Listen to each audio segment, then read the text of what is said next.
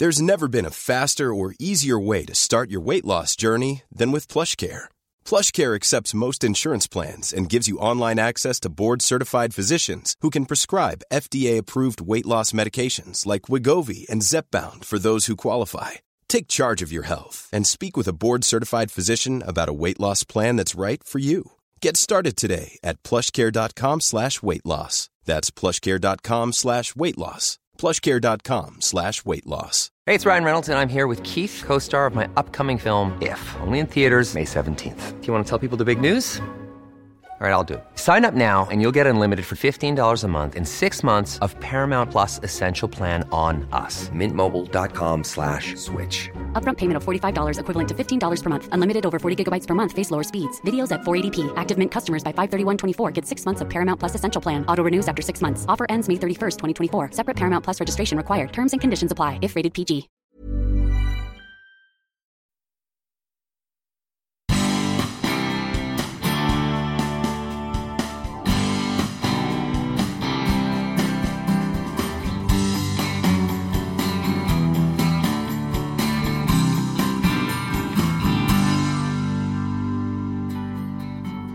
Vad ska du bli när du har gått ut Handelsdag? Ja, men eh, jag ska bli rik och kul, sa jag. Ja, men lite mer specifikt. Tänker du dig exportmarknader eller ser du dig som en finansperson? Eh, ja, till exempel. Någonting där det är kreativt och avslappnat och där jag kan få göra nytta. Var väl mitt svar. När jag flyttade till Stockholm, kom till Alvik till min andrahandslägenhet, så stod det en halvfull flaska gin i skafferiet som var kvar. Ljummen Gordons. Det var där det började. Till en bunt förlag. Boken heter En gudabenådad bullshitter och det är ju ett gammalt finansmarknadsordspråk som min, som min eh, chef på den tiden, den, den legendariske Nico Gidroik, sa To be a good analyst mate you have to be paranoid, arrogant and a compulsive bullshitter. Hans föräldrar gav honom en blockflöjt istället för en napp. Där startade musikerkarriären som tog Hans-Olof Öberg genom Handels trots att han var en udda fågel. Eller som han själv säger, det här gänget hade en Lacoste-tröja för varje dag i månaden. Med examensbeviset i handen sökte han sig till finansvärlden men hamnade också till drinkarnas värld. Från en ljummen flaska gin i skafferiet gick Hans-Olof hela vägen till att ge ut boken Gin och tonic till tusen. Inte nog med det, boken fick pris av International Gourmand Awards till Sveriges bästa cocktailbok. Men varför vara analytiker och stanna i finansvärlden när man kan starta ett eget förlag? Hans-Olof Öberg har gett ut över 40 böcker, allt från deckare till böckerna Toppa för att krossa, 10 lektioner för onda knattetränare och Vett och etikett från helvetet. Hur löser vi krisen i Sverige då? Tja, enklast vore väl att Springsteen blev statsminister i Sverige. I alla fall om man får tro Hans-Olof.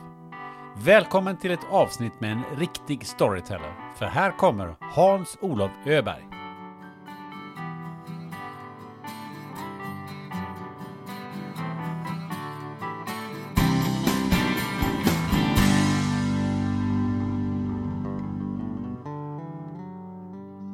Välkommen till spännande möten Hans-Olof Öberg. Tackar, tackar.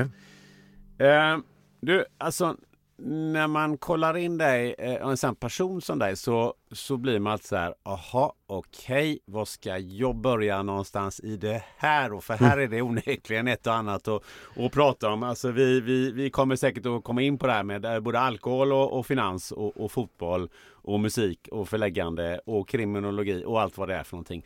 Men jag tänkte så här att vi börjar någonstans där, där vi har en gemensam punkt.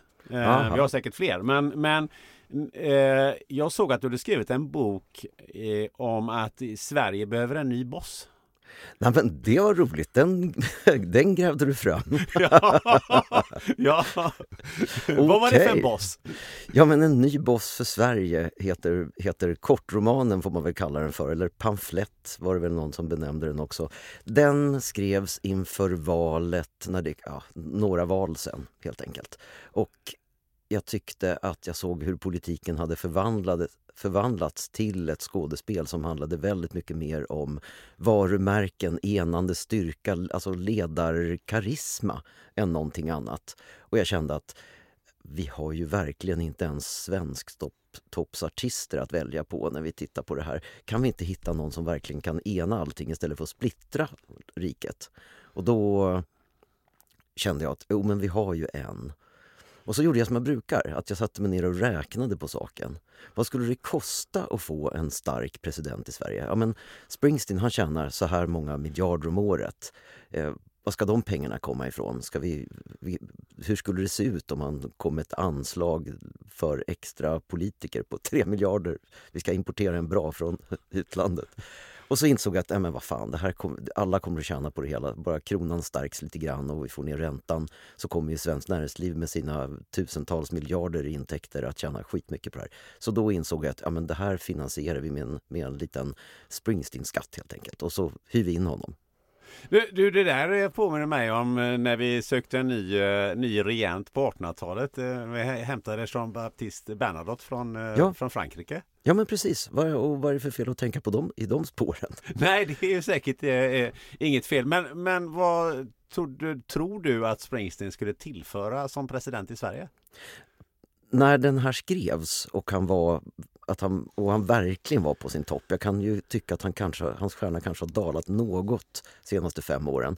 Men, men då menar jag på att det här är en person som jag menar, alla socialdemokrater är ju först och främst Springsteen-demokrater.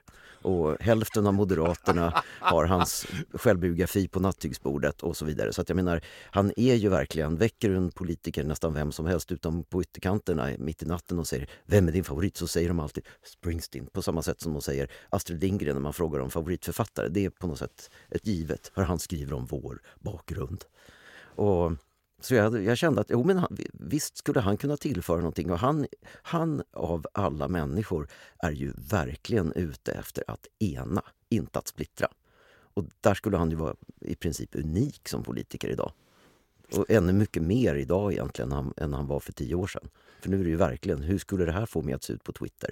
Nej, jag tycker inte så här, men det ser bra ut. Så jag skriker. Men jag undrar lite, vad, vad har du själv för relation till Springsteen? När upptäckte du honom?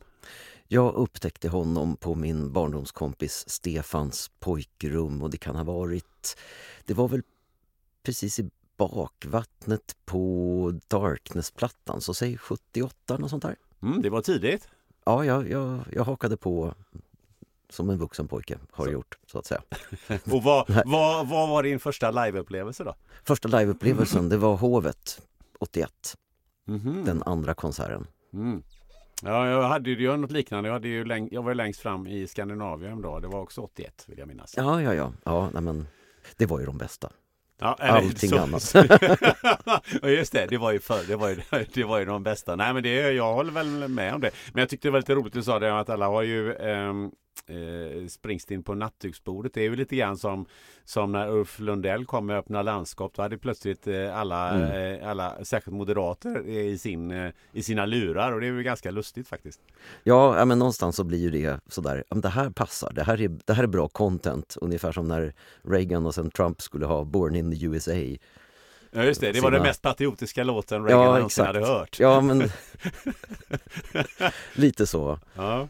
Det är härligt. Eh, när vi är inne på, på ämnet musik. Du, du har ju eh, själv en hyfsad eh, bakgrund i musik har jag förstått. Ja men det kan man nog lugnt säga. Jag föddes i en musiklärarfamilj. Allting var musik. Det sjöngs fyrstämmigt i bilen när familjen var ute och åkte. Jag fick blockflöjt istället för napp när jag växte upp. Och, och, mm, tog det därifrån. Min, min, min mamma var inte utbildad utan hon, hon blev det bara genom någon slags osmos med min pappa som var en, en eh, fantastiskt talangfull multimusiker får man nog säga. Han behärskade typ alla instrument på en basic plus-nivå och så var han bra på några stycken. Tillräckligt många olika dessutom för att det skulle vara intressant. Så jag har väl ärvt hans, hans kärlek till musiken och hans behov av att i princip hela tiden... Är, man har blod och vatten i ådrorna men man har också en del musik. Det, det binder på samma hemoglobin som tar med sig syre tror jag. Så, så det var blockflöjten var den första. Det, så är väl de flesta som har som eh, stiftar bekantskap med ett eh, musikinstrument. Dock något senare än, eh, än vad ja, du gjorde. Ja, men jag fick det ju verkligen som ett instrument som man kan uttrycka sig på. Och Det spelades ju klassisk blockflöjt, inte, inte köpvarm korv nödvändigtvis. Den brände jag igenom första veckan som tvååring eller något. Okej, vad blev det sen då när blockflö, blockflöjten eh, blev eh, lite mindre intressant? Då blev det förstås de klassiska instrumenten, för det skulle man ju göra i, i vår familj. Min pappa var ju musikdirektör och sk- skulle man bli det, och det kanske man skulle bli så, på sidan om, på, på någon riktig karriär i alla fall, då skulle man ju ha piano och man skulle ha fiol. Och man kan väl säga att jag och pianot kom väldigt bra överens och fiol slutade jag bokstavligt spela när jag blev stor nog att försvara mig. Varför blev du påtvingad just fiol? Ja, för det var ett klassiskt instrument som krävdes för att man skulle ha en, en hel musiklärare eller musikdirektörsexamen.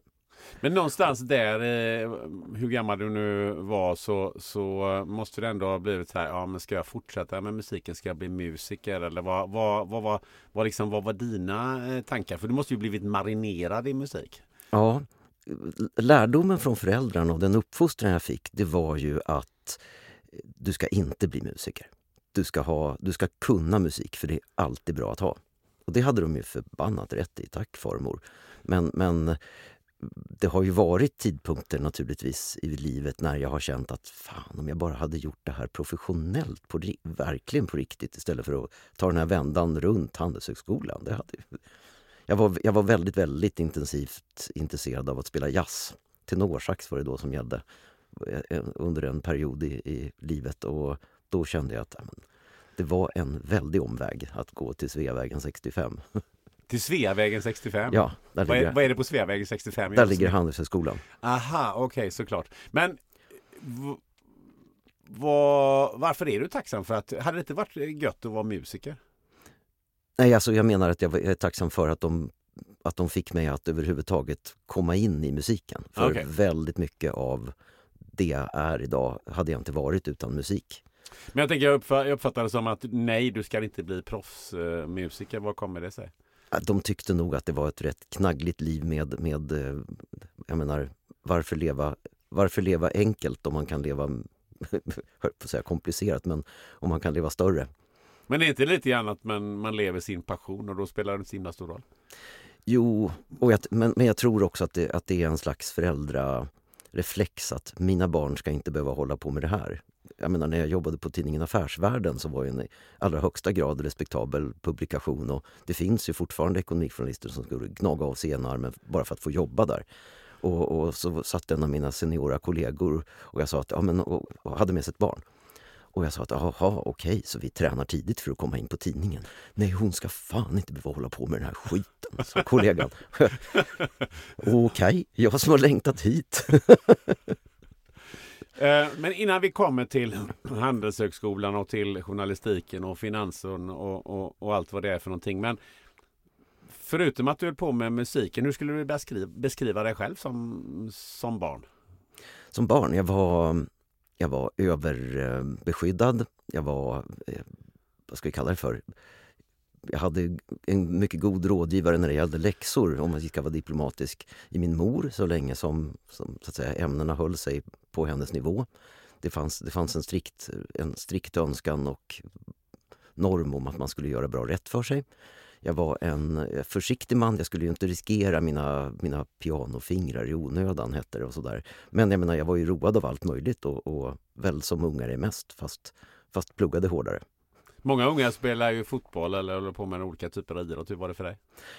Jag försökte väl göra det som, som jag kunde göra. Jag var, en, jag var en, även då en kort och kraftig kille som, som hittade mina nischer. Jag var en, när vi, så länge som vi var småpojkar och lirade vad ska jag säga, kvartersfotboll så, var, så vi hade en bra uppdelning. Jag hade en lång, vindsnabb, smal dribbelpolare och han var, han var målgöraren. Och om någon gång någon skulle lyckas ta bollen ifrån honom och komma mot vårt mål, då stod jag där bak och bara plockade ner dem för att jag hade låg tyngdpunkt, hög smärttröskel. Ideal mittback eller backback i största allmänhet. Så jag, var, jag var väldigt road av fotboll. Fotbollen var inte alls lika road av mig när vi kom upp i åldrarna. Men, men Nej, men jag blev ju aldrig något bra. Liksom. Det jag är inte den här som att åh, så sträckte jag korsbandet annars hade jag nog varit med i landslaget. Utan, nej, det var bara... Det hade inte hjälpt jag... bra sträckt korsband där inte. nej, jag har inget att skylla på. Mer än Newton kanske. Nej, just det, precis. Eh, ja, men eh, du blev helt enkelt eh, skjutsad genom skolan eh, utav, eh, utav eh, din mamma med, med eh, läxor och så. Se till att du eh, också därmed fick bra betyg antar jag? Ja, men sen var jag ju faktiskt också väldigt intresserad. Jag hade lätt för mig och det var roligt. Jag kände att det där var ett ställe där jag funkade. Jag tyckte, jag tyckte matte var kul. Jag tyckte språk var jätteroligt. Och, och sen så fanns det ju musiktimmar på riktigt. Och i mellanstadiet, högstadiet gick jag musikklasser i Västerås. Hade den, den demonkörledaren Bror Samuelsson som överhuvud där. Och, och, ja, det passade mig. Det var, det var musik överallt, jämt. Hur, hamnade, hur gjorde musiken att du hamnade på Handels då till slut? Den, kanske, den fick mig inte att söka dit utan Handels var faktiskt vilket ju i efterhand kan låta nästan lite, lite skoj. Ehm, det var mer ett föräldrauppror. Min äldre bror var läkare, är fortfarande läkare. Och det ansågs att jag borde följa i hans fotspår. Och precis som mina föräldrar avrådde mig från att följa dem i karriären så sa han att Nej, men du ska inte behöva hamna i den här skiten, bli inte läkare. Och precis då kom en av mina gymnasiepolare och sa att Har du sett här? Och så höll han fram en broschyr om Handelshögskolan. Och jag bara ja, men det där verkar ju snyggt. Det var en väldigt snygg broschyr och jag kände, jag var rätt road av affärer och hålla på. Jag hade ju, jag hade ju hållit på och wheelat och dealat med moppar och moppedelar när jag var i slyngelåldern och som gymnasist så var jag ju klassens lille langare och fixade sprit till hemmafesterna och sånt där. Så jag menar, jag hade, jag hade den ådran. Så det fanns en viss kreativitet helt enkelt? Det fanns en viss kreativitet. Man, när man tvingar både höger och vänsterhjärna att jobba jämt så, så kanske det blir sådana kopplingar. Vad vet jag? Jag är ingen hjärnforskare. någon jag har pratat med eh, som sa att ja, men jag hade alltid jättebra betyg i högstadiet och, och gymnasiet och sådär och sen så sen skulle jag ju söka in på Handels och så här kom jag ju in bara för det. Men då plötsligt så, så fanns det ju hundra andra som var precis lika bra eh, som jag. Eh, mm. Hur, hur upplevde du den, det steget? Ja, Handels var till att börja med en riktig jäkla kulturchock. Alltså satan, här kommer, här kommer man verkligen. Och jag, jag hörde, jag hade några högtidliga kursare som, som gick och resonerade i de här banorna.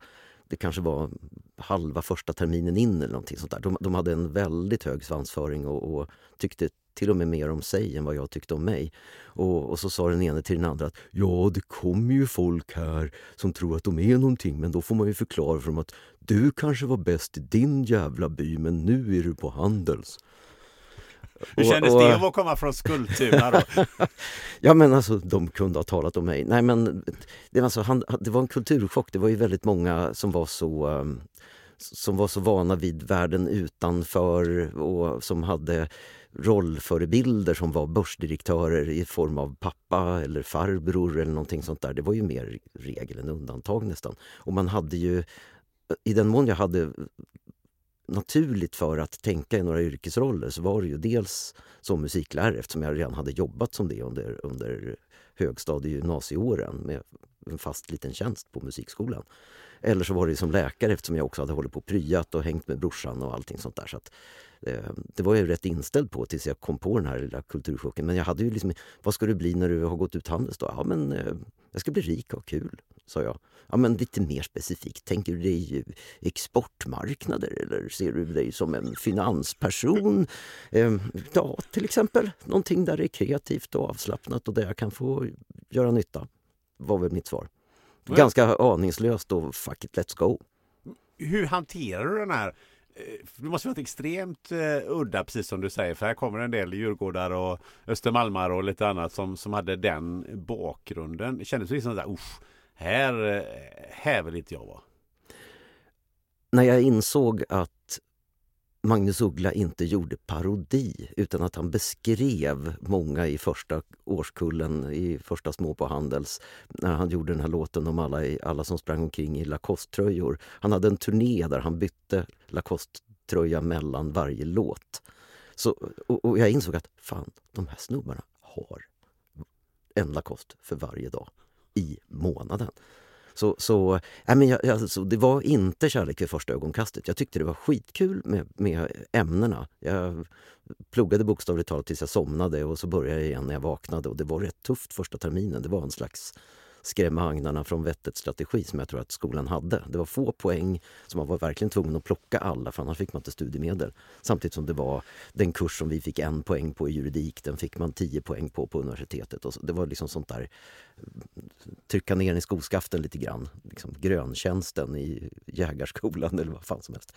Men, men eh, så eh, ja, jag satt nog och, och, hade fingrarna på pennan och ansökan till, till ja, men Karolinska. Det blir nog bra i alla fall. När det börjar närma sig ansökningstider. Det, det tänker jag inte sticka under stol med. Men då kom musiken in i mitt liv igen med en, eh, en riktig sån här ursäkta, du hade glömt mig. Jaha, hur då? Jag mötte en annan, en annan numera nästan barndomskompis, fast dock en, en Stefan till. Stefan Eichenholz som på den tiden var ledare för skolorkestern, Märkbläcket. Och där var slutfesten på första terminen och vi sprang omkring där i korridoren på Sveavägen som man gör. Och, och så sprang vi ihop och jag hade noterat att orkestern fanns men när de hade sitt första snack så sa de att de sökte de här och de här, de här instrumenten. Och jag spelade inget av dem. Men, men nu hade vi ändå kommit in i skolan och jag såg att ja, men okej, jag hittar, jag tycker om ämnena, men var är mitt sammanhang? Var är min flock någonstans? Och så stötte jag ihop med honom och insåg att ja men vad fan, ja men det är du som är den där eh, orkesterledaren, sa jag. Fast med lite mer västmanländska anknytning fortfarande. Hur lät det då på västmanländska? Det måste vara du som är den där körledaren, eller orkesterledaren. Nej, jag pratade aldrig riktigt sådär. Mina föräldrar kommer från, från Sundsvallstrakten så det blev någon slags rikssvenska för mig. Men allt nog så, så sa han, jo men det stämmer. Och så kom vi i samspråk och är fortfarande till denna dag mycket, mycket goda vänner. Och, och eh, jag frågade, alltså, men jag vill ju verkligen börja i orkestern. Och han bara, kul, vi behöver folk och framåt folk, det verkar du vara. Ja men bra, sa jag. Vad behöver ni då? Ja men alltså vi har ju ganska få trumpetare fortfarande. Ja men okej, bra. Då, då börjar jag efter årsskiftet. Ja men fint, hur länge har du spelat förresten? Så här, Nej men jag börjar på måndag. Vad sa han då?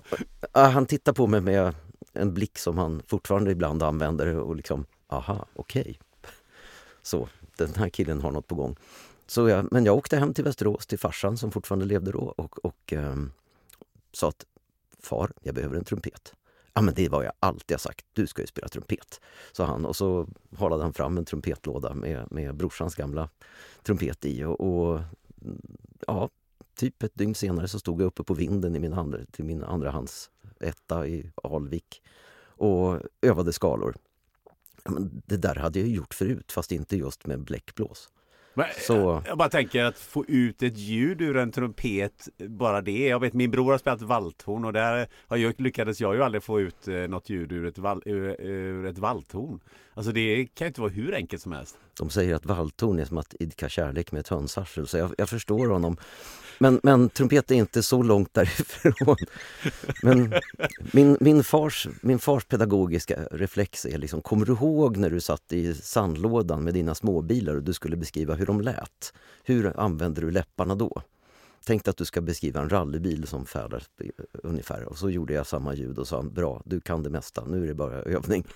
Även om du eh, nu hamnade in i musiken där på Eh, på Handels och kände dig hemma där så måste du ju fortfarande varit en extremt udda fågel och, och eh, bland de andra Lacoste-tröjorna där för du känns inte riktigt som du var av den stilen. Men, men det fina var att, att eh, Handelshögskolans studentorkester Märkbläcket var ett, en stor jävla, vad heter det, volär. Stor bur för alla främmande fåglar. Vi kom från alla håll. Vi kom, vi, det var Vallallavägsgrabbar och, och Birkastanskillar där också, och tjejer för den delen. Men, men alla hade en, en kärlek till, det, till musiken och till någonting udda. Så att jag hade plötsligt hittat min flock och det blev som... Det blev verkligen som att komma hem. Det blev som en besatthet och som, som ett av... Många, många snackar om att de pluggade dubbelt med Handels och Teknisk kanske. Eller någonting sånt där. Jag, jag pluggade dubbelt, märkblecket och Handels. Det, var, det, var, det tog halva min tid. Jag har fortfarande väldigt många av mina vänner därifrån. Min fru, som fortfarande är min fru, och jag, vi träffades där. Så att det, det är verkligen, det är där vi är liksom. Någonstans så tog ju Handels eh, eh, slut och, och, du skulle ut i det verkliga livet. Blev det liksom exportchef eller finanschef eller liksom vad, vad, vad, vad blev drömmen där på slutet? Drömmen var ju egentligen jag, jag, jag hade nog bestämt mig för att jag ville ha det, fann, det fanns en katalog för avgångseleverna där man fick presentera sig med en liten kort text. Och det kunde ju bli ganska, ganska svulstigt på sina håll när alla skulle ha sina, sina snygga eh, sina snyggaste kavajer och berätta hur, hur mycket banker de skulle bli på en gång. Och, och jag satt där medvetet, murarkrage, hängslen, ringen i örat som har suttit där sen, sen tvåan på Handels och sa att jag tänker mig självständiga, kreativa, underhållande uppgifter i vilket sammanhang som helst. Så det var vad jag faktiskt var ute efter. Och det ledde ändå till ett, ett jobb mitt i Kungsträdgården med till och med en, en kort period ett eget kontor som var dubbla direktörsstandarden därför att det var det enda rummet som var ledigt just då. Och där kom jag in. Jag jobbade i någonting som på den tiden hette koncernstab controller. Och jag fick följa med en, en, en liten vaktmästarperson ner i konstförrådet och välja konst till mina väggar. Och det kom in äldre direktörer och undrade vem fan är du släkt med som fick det här rummet? Och, och, jag satt där och myste och sen blev vi flera som satt i samma rum. Och det, men det var, det var, jag menar sådana jobb finns ju inte längre. Jag jobbade med konkurrentbevakning som var ett slags internspion för att hålla, hålla tabs på de andra bankerna. Det fanns ju rätt många banker i stan på den tiden. Även om arvfienden var Handelsbanken som låg i, på samma sida Kungsträdgården. Men, men vi satt där ett gäng med lite underrättelsetjänstliknande arbetsuppgifter och skulle prenumerera på personaltidningarna, analysera. På den tiden googlade man inte för att se vad som skrevs om konkurrenter och hade såna här Google alerts utan man hade en tjänst som hette Pressurklipp som varje morgon levererade cirka tre kilo pressurklipp av alla möjliga varianter. Och så hade vi då fått lära oss underrättelsecykeln av en väldigt ambitiös ung kamrer som vars pappa jobbade på riktigt på Säpo och hade lärt honom det i sin tur.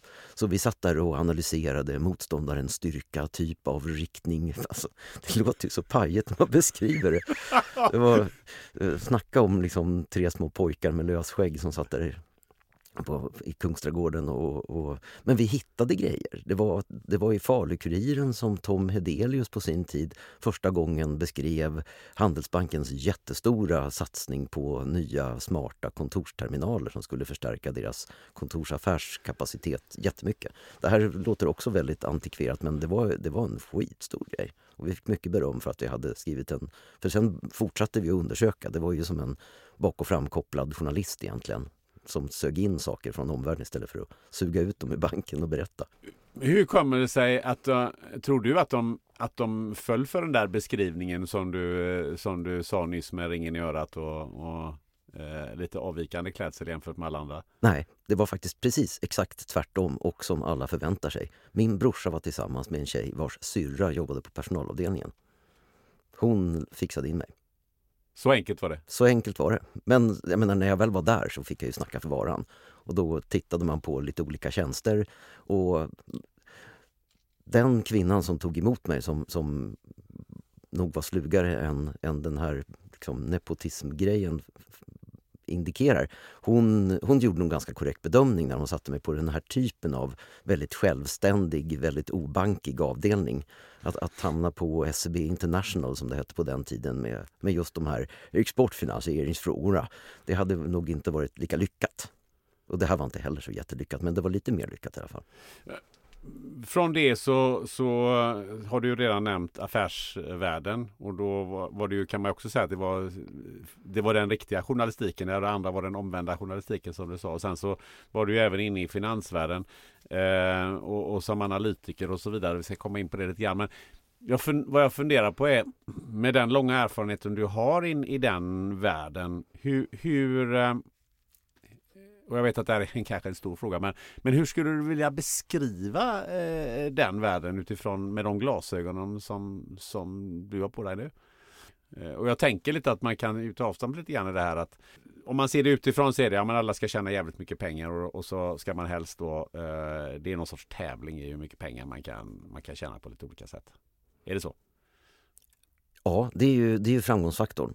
Precis som ett, ett fotbollslag samlar på mål i varje match och poäng i tabellen så samlar ju oavsett egentligen var du sitter någonstans i vad ska jag säga, alla typiska finansmarknadsjobb, om du inte är administration, så, så, så samlar du ju på prestation på något sätt. Och de som jobbar i de mest offensiva verksamheterna, de ser också till att få ett kvitto på sin privata prestation genom att också få del av den kaka man skapar. Så kan man säga. Och, och, redan i första små på Handels fick vi lära oss att the rational man prefers more to less. Och, och, och, så var det ju verkligen. På den tiden så fanns det mer pengar i omlopp. Man kan säga att eh, bara för att förklara det väldigt enkelt, det fanns ganska många firmor. Baskutaget för en, en transaktion, även när stora firmor gjorde, gjorde affärer, var någonstans runt alltså 0,2 procent, 20 punkter. Och den pressades väl kanske ner till 15 punkter efter ett tag. Och idag så tror jag ingen gör affärer på mycket mer än 4, 3,5 kanske. Och man har mycket automataffärer och det visslar pengar åt alla håll och kanter på ett helt annat sätt. Och då är, då är firmorna också färre. På samma sätt så fanns det ju, det fanns ju en massa olika sätt att, att berika sig lite på sidan om. Folk snackade ju om sin PP, den privata portföljen och det var ju framförallt på kapitalförvaltarsidan som, som en ganska hög andel skulle jag säga av de som nyligen har gått i pension eller gått i pension för tio år sedan som kapitalförvaltare på någon av de större firmorna. Den som inte hade en liten, en liten egen portfölj som, som fick, som det hette, frontrunna de stora fonderna utan att någon märkte det. Den, den var ju dum i huvudet. Det är du en sorts insider? Ja, det är, det är, inte bara en sorts. Det är en, det är en fruktansvärt ful form av insiderhandel eftersom du vet vad du i din yrkesroll kommer att göra. När jag går in med stora bankens pensionsfonds kapital och satsar jättehårt på att köpa den här aktien så kommer den med nödvändighet att gå upp några spänn. Om jag då bettar skjortan och huset i min lilla portfölj som är min privata som ligger på en helt annan bank än den som jag normalt handlar via förstås. Och diskret och snyggt på alla sätt och vis. Så, så kommer jag känna tosing kosing på det. det så, så, så funkade det. Det gör det inte längre. Det är inte möjligt att göra på det sättet och det finns massvis med etik regler och uppföljare av etikregler, så kallad compliance, som ser till så att det där inte händer. Plus att jag tror att branschen har rensat upp sig själv. För på den tiden när det fanns så fruktansvärt mycket pengar och vem som helst kunde komma in på Stureplan från från gatan och, och börja lyfta en lön på 50-60 000 i månaden. Alltså nu snackar vi ju om för 30 år sedan till och med. Det var ju väldigt mycket pengar. Och, och ehm, då blir det ju också en, det drar åt sig en viss typ av människor som är väldigt snabbtänkta, har lätt för att snacka, lätt för att skapa case, idéer av ingenting. Och ibland så, så kunde man ju se i, i sina kollegors räknesnurror att oj, där satt, låg det plus 500 miljoner någonstans i en vinstprognos. Var kom de ifrån? De ingick liksom inte i uppbyggnaden och sådär. Ehm, så, så, så, kort sagt, det drog till sig en himla massa psykopater av olika slag som ju också var fonden för min första roman.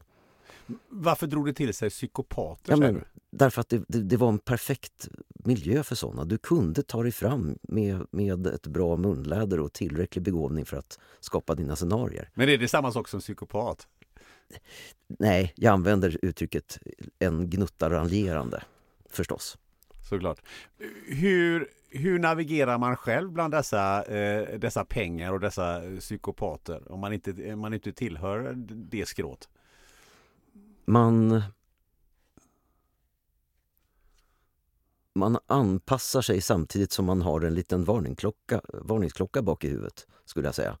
Att, att, att, inte, att inte jobba som alla andra och bete sig som alla andra är nog väldigt, väldigt svårt. Man, oavsett flock så vill man ju höra till. Och det var ju speciellt viktigt för mig när jag tog, när jag tog klivet från tidningen Affärsvärlden som ju var ett extremt hedervärt organ även på den tiden och, och började jobba seriöst på Stureplan, faktiskt också via en musikkoppling. Så, så då vill jag ju vara, jag vill ju vara duktig där också. Man vill ju, man vill ju göra sitt jobb och man vill ju bli sedd och, och vara en, en trogen arbetare i vingården på något sätt. Så jag jobbade skiten ur mig. Jag hade min kostym på mig dygnet runt i stort sett och, och jobbade på som tusan för att hitta alla de investeringsmöjligheter som bara kunde finnas inom mina sektorer.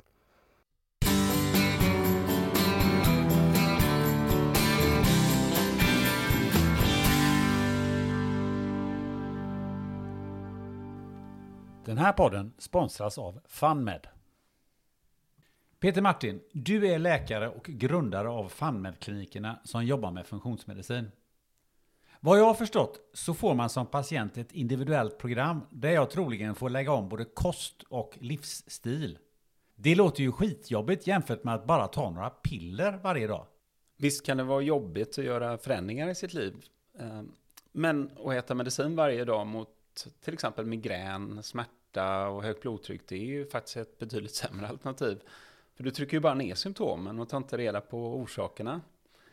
Som medlem hos oss på FunMed får du dessutom stöd från ett team med både läkare och hälsocoach för att du ska klara omställningen till ett liv där du blir av med dina besvär. Saknar du någon som tar ett helhetsgrepp på din hälsa? När du tecknar FunMeds medlemskap så ser man hela dig. Tillsammans med din funktionsmedicinska läkare skapar du en plan för kost, näring och livsstil baserad på avancerade labbtester och ett holistiskt synsätt. Du får stöd av ett dedikerat vårdteam med läkare, hälsocoach och sjuksköterska. På FunMed så tror man också på kraften i att göra livsstilsförändringar tillsammans. Att göra sin hälsoresa tillsammans med en vän eller familjemedlem kan vara avgörande för att lyckas. Så nu har ni chansen att göra 2024 till året då er långsiktiga hälsa får det fokus den förtjänar. Gå in på funmed.se och köp två medlemskap så får ni halva priset på två provtagningspaket till ett värde av upp till 19 990 kronor. Erbjudandet gäller till och med 1 december 2023. Så klicka in dig på funmed.se och starta din hälsoresa. Tack FunMed!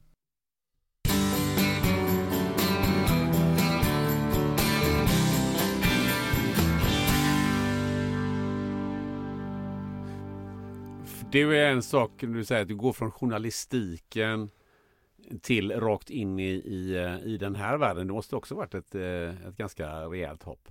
Ja, det var det. Det var det verkligen. Men det var ju fruktansvärt roligt också. Det var ju det man nu för tiden kallar för en utmaning. Du sa att du hade din grå kostym på dig och dygnet runt och, och, och jobbade som du säger. Men man var tvungen att ha det. Hade du inte kunnat ta på dig liksom hårdrocksgrejer och göra samma affärer? Nej. Nej, det, det enkla svaret är verkligen nej. Det, finns, det fanns, alltså även för 15 år sedan så fanns det extremt starka regler på sina håll att man bär slips man bär skjorta. Och kommer du till London och har en vit skjorta så tillhör du antagligen the clerks. Och det vill du inte ha, så du har ju en, en eh, rosa eller en ljusblå skjorta på dig. Och man lär sig alla de här koderna efter ett tag och, och vad, vad, som funkar och vad som inte funkar och hur sidbenen ska ligga och allting sånt där. Det är, liksom, det är fake it till you make it vid den branschen. Det är, och det, vill du inte så, så kommer någon annan att klättra över dig. Det är bara att vända kolla lite bakom dig så står de där. Men vad höll dig kvar? För på ena sidan så förstår jag ju lite att det, det var ringen i örat och det här för, för att koppla tillbaka till det. Eh, vad höll dig inne i att ändå, ja men jag kör ändå det här racet fast det känns som att du var någon annan utanför eller hur ska jag tolka det?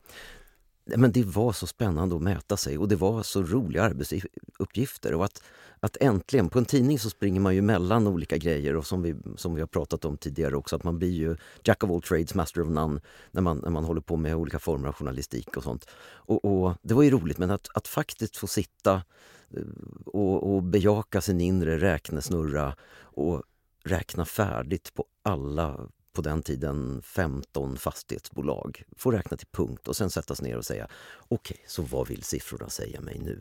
Och få tänka den tanken klart. Jag fick, jag fick alltså hålla på. Jag fick carte blanche och, och sitta där i ett hörn och vara tyst tills jag var färdig. Det var, det var den vad ska jag säga, arbetsmoral som rådde när man skolade in nya killar på, på Deutsche Morgan Grenfell som det hette på den tiden. Och, och, så jag fick räkna klart och så kom jag fram till att ja, men okej, den här sektorn är på väg åt det här hållet. Och så hade jag en jättetjock presentation i Powerpoint som jag sprang runt hela stan och dunkade in och så var jag plötsligt fastighetsanalytiker. Analytiker tycker jag är, det, det, är ju, det, är ett, det måste vara ett intressant eh, släkte. Jag, jag försöker följa lite så i aktiemarknaden om man läser en del. Och nu säger den här analytikern säger att eh, nu är det riktning nordväst. Den andra analytikern säger nej det är åt sydväst. Och den tredje säger det här är värt eh, 220 spänn i riktkurs som den andra säger. Nej det är 120. Vi pratar om exakt eh, samma bolag. Hur går det där till? Jag skulle säga att det finns alltid två lager. Och det är en, när, man, när man sitter och, och gör just en rekommendation och eh, mäter värde och så vidare. Och det ena lagret är var, var finns jag med det här bolaget? Vad, vad ser jag ska hända? Vad, vad ligger för någonting i, i, den, i den framtid som vi har hört talas om och som bolaget har kommunicerat? Och, och så kom vi fram till att men här har vi X. Och sen så finns det en, en arbetsuppgift som är också väldigt tydlig och det är ju, den är ju då till sin karaktär inte strikt analytisk utan retorisk. Och då är frågan, men om, om jag bara helt enkelt ansluter mig till den effektiva marknadshypotes och säger att marknaden har alltid rätt, ja då finns det aldrig något bolag som är felvärderat. Då, måste man, då kan man lika gärna vara journalist och rota fram nyheter som kommer att påverka börskursen och sen så kör man. Eh, eller så börjar man fundera över ska säga, mer kreativa användningar av den där siffersnurran som man just klappade ihop. Och säger man, men okej, men om det växer på det här sättet och om det är på det här sättet. Och det är ju där någonstans som, som finansanalytikern också blir en för så var det också i många fall. En ovanligt slug och välutbildad och rutinerad journalist. Och helt enkelt, man gör det man gjorde på, på, i journalistiken. Att man, man börjar luncha med folk, man, man snackar med människor. Man försöker hitta var de egentligen är på väg. När man träffar en VD så pratar man alla förväntade siffror och allting sånt där i tre kvart av den utmätta timmen. Och sen börjar man ställa de där egentliga frågorna om vad han, är för, vad han har för visioner och vart han vill och hur han egentligen ser på att den här automotive-verksamheten har stannat av. Och, och, och, så får man som en, en ansvarig för Investor Relations, det vill säga de som ska hålla tig på sin direktör, eh, sa till mig efter ett möte att alltså, det är ju en sak att du, att du lyssnar på hans siffror och allt sånt där. Och det är, ju, det är ju helt som det ska vara. Men jag vet inte hur jag ska förhålla mig till när du lockar fram sån här strategisk inside. Och det är precis det, liksom att ja, men nu har jag hört Karl-Erik på Stora snacka om att de ska dit och dit. Eh, det kommer att trycka upp verksamheten till de här nivåerna och det kommer att föra aktien 30 upp. Köp! Det eh, lustiga är ju bara det att en annan analytiker kommer på eh, e-, en nästan i princip motsatt eh, slutsats. Och någon har ju radikalt jäkligt fel. Och ingen av de här som sitter som är analytiker är ju direkt sådär att de bara tar upp fingret och kollar vart det blåser åt. Hur kan det komma sig? Den analytikern kanske hade en dålig dag med företaget och bestämde sig för att men jag har en helt annan idé om att låt oss nu säga att du, att du faktiskt analyserar en sektor med flera bolag. När du då går till kunden och vill torgföra en idé att köpa SE-banken så frågar kunden alltid, för han ligger ju väl, eller hon ligger ju väl balanserad i sin portfölj. Och då blir svaret, vad ska jag sälja emot då? Och nu råkar det vara så att jag hade valt den ena banken att köpa och den andra banken att sälja. Och, och min motståndare på andra sidan Kungsan, han eller hon hade bestämt sig för att amen, han ska köra det här caset. Handelsbanken kommer att gå mycket bättre än SEB för det är shaky times ahead. Och jag säger att nej, det är inte shaky times ahead. Så SEB-banken kommer att gå bättre. Därför att den är den som bättre fångar en uppgång medan Handelsbanken är den som tar mindre stryk i nedgång. Och, och där kan vi ha olika åsikter. Eller också kan jag ju skandalisera konkurrenten inför en kund och säga att har du kollat hans, hans prognoser för, för fastighetsportföljerna i Handelsbanken? Men gör det, för det är alltid roligt med ett gott skratt så här på fredag eftermiddag. Liksom. Men man läser i, i, i, ja, men i eh, pressen eller, eller man läser på, på eh, olika finanssajter och man kan läsa på Omni ekonomi och allt vad det är, DI och så vidare. Så, så är det ju ändå så att att ena dagen så, så säger någon att ja, men riktkurs på det här bolaget är eh, 220 spänn. Idag står det på 150 och så Mm. kommer den någon ja, men nästa dag och säger att riktkursen är, är 110 på, på exakt samma bolag och då undrar man liksom ändå hur, hur kan man hur kan man komma fram till det och sen outa det? Ligger det någonting bakom där eller eller är det bara som att det är lite tombola över det? Jag tror att det hänger väldigt mycket på den enstaka analytikern. Om du menar att samma analytiker säger att det här bolaget Nej, en annan Nej, analytiker okej. naturligtvis. Ja, att, att, nej, det är inte naturligtvis. Det kan, vi, det kan vi prata om för det är också intressant. Ja, men, okej. men för, för ibland så har man gjort ett misstag och kommit fram till att det här bolaget ska vara värt 220 men, men kursen bara faller av något, någon anledning som man hade glömt att täcka upp. Jag missade någonting. Och då måste man omedelbart backa och här kommer ju då 100% retorik in i yrkesrollen. Och så konstaterar man att A. Ledningen levererar inte enligt sina privata mål som jag har haft full koll på. De måste ha misslyckats någonstans. Och B. Det här är helt ny information som vi nu får till oss. Och därför måste jag göra det enda rätta, förändra mina prognoser och skära i min riktkurs. Så det kan, man kan komma undan med det. Alltså, det. Man kan naturligtvis inte göra det långsiktigt för kunderna och marknaden är ju inga dumskallar. Har du fel för många gånger så åker du. Men, men, men som sagt, att, att analytiker har 220 och 110 som riktkurs, det är, egentligen, det är egentligen bara sunt. För det ska ju vara, varje transaktion har en köpare och en säljare. Du måste ju tro att det här bolaget ska ner om du ska sälja. Alltså det finns mycket både psykologi och kanske till och med Ja. ett, ett sätt Oh, ja. att påverka. Det finns ett sätt att påverka börskursen. Man snackar upp börskursen. Ja, kortsiktigt kan du ju göra det och det är precis det som, som händer när, när en analytiker är ute och drar ett case. Eller en, en hel investmentbank som står bakom det här och säger att nu har Morgan Stanley beslutat sig för att börja bevaka det svenska snillebolaget Yubico och vi börjar med en rungande köp. Det är klart att då köper folk.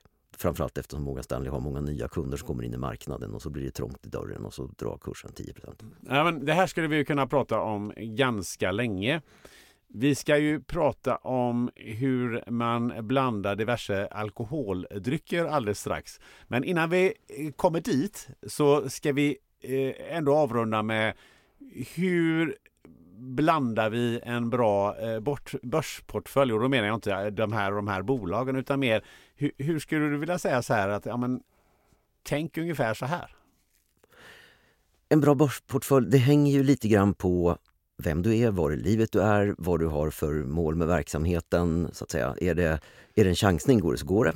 Som många finfluencers gör idag, att börsen är i ständig uppgång. Så kändes det ju för ett och ett halvt år sedan. Det kommer aldrig gå ner mer. There is no alternative. TINA var ju det rungande. Så alla måste alltid lägga in all sin rikedom i aktier. Därmed kommer allting alltid att gå upp och det gäller bara att hitta de mest riskfyllda aktierna som går upp mest. Det var, det var ju den enkla lärdomen som, som just många finanspoddar lärde ut om jag får vara lite raljant. Och Det får man väl vara. Absolut. Ehm, Så det är ju ett sätt att göra det på. Och de som gjorde det, de sitter ju och slickar sina sår nu och, och tänker att det där kanske inte var så himla bra i alla fall när luftslott packade ihop. Ja, och jag har själv någon eller några aktier i portföljen som har tappat 90 men, men då kommer den här centrala frågan, hur komponerar man portföljen och vad vill man ha den till? Jag vill ha en portfölj som, blir, som slår marknaden, som, som klarar sig lite bättre. Jag behöver, jag behöver inte femdubbla mitt kapital på två år och bara jaga supervinnare. Även om det naturligtvis är trevligt när man hittar dem och jag försöker ju. Men, men realistiskt så försöker jag sprida ut det på trygga aktier som, som jag vet klarar sig bra i nedgång. Och sen ska, ska jag ha och då ska det vara de bästa trygga aktierna som klarar nedgången bäst, är ju alltid målet. Och sen har jag andra aktier som har i uppdrag att, att springa iväg och, och bli så dyrbara som möjligt när det är uppgång. Och då ska de vara de bästa av dem. kan man säga. Så man, man tar aktivt den bästa risken och man väljer de bästa defensiva mm, alternativen. Jag tror att man ska ha runt en 20 i alla fall olika aktier. Om man nu tycker att det där med aktieanalys är roligt, om man tycker om att sitta och välja aktier. Annars ska man ju använda fonder. För det finns faktiskt så många duktiga och respektabla fondförvaltare i stan. Så att eh, om, om, du, om du inte hinner göra hemläxan och vara seriös med, med ditt aktiesparande så ska du plocka, plocka in fonder istället. Vad är en rimlig avkastning som jag borde eh, sikta på eh, om jag har någon, eh, någon miljon som jag investerar? Um, om, om, man ska vara, om man ska göra det enkelt för sig, som man kan säga ibland, så, så om du tar den där miljonen och, och låser den på ett sparkonto, även hos en respektabel bank som nog kommer att ge dig tillbaka de där pengarna, så får du ju 4% eller någonting sånt där. Och när du, så fort du går in på börsen så har du tagit en extra risk. Och det, då kan vi säga att vi ska ju ha betalt för att vi tar den där extra risken och investerar i andras bolag istället för att bara få en trygg och fin ränta på pengarna. Så då ska du, då ska du kanske dubbla den där räntan som du får. Så att du ska nog, du ska nog se att du kommer att få en 8-9 procent i alla fall på, på aktiemarknaden för att du ska vilja gå in där. Och med den strategin som du eh, sa innan här så, så är det en, ett rimligt mål över en längre tid? Ja, absolut. Som räntan ligger just nu och som aktiemarknaden är värderad just nu. Intressant. Låt oss hoppa till blandning av diverse eh, alkoholdrycker. Ehm, eh, jag har ju läst mig till att gin och tonic är en av dina stora eh, eh, som, du som du är fan av. Ja, absolut. Varför Det- då? När jag flyttade till Stockholm, kom till Alvik, till min andrahandslägenhet, så stod det en halvfull flaska gin i skafferiet som var kvar. Ljummen Gordons. Det var där det började faktiskt. Och jag, jag tog mig en, en klunk. I Skultuna hade man ju mest kört marinella i ena handen, fruktsoda i den andra och så klunkar vi i oss. Men, men här insåg jag ju att nu ska jag ju börja på Handels, här måste det vara lite mer fancy pants. Så jag tog en klunk i den här ginflaskan istället och insåg att det där smakade ju verkligen seriös apa. Och sen in, jag, det var inte just därför, men jag gick och köpte en cocktailbok. En liten tunn sak som jag fortfarande har i bokhyllan. Som är faktiskt oväntat fin för sin, för sin årgång och att den kostar 10 spänn på Konsum en trappa ner. Dessutom. Helt ofattbart egentligen när man tänker på det. Men, men jag insåg att gin och tonic är en bra idé så jag fick med mig en flaska Schweppes, sån här vanlig dunk. Och, och blandade. Och titta där, ja, då hade jag även låtit, låtit ginflaskan stå kallt en stund. Och, och det där var ju inte så jäkla dumt. Så där någonstans, det började ju ändå där. Eh, vi var med, med studentorkestern Märkbläcket i London och besökte Gordons vilket blev en, en fantastiskt trevlig tillställning på väldigt många olika sätt. Och där fick man ju lära sig att det fanns fler sorters gin än Gordons vanliga. Det fanns ju Tankery och det fanns en massa intressanta grejer. Så, så där började ju ginintresset spira lite grann får man ändå säga.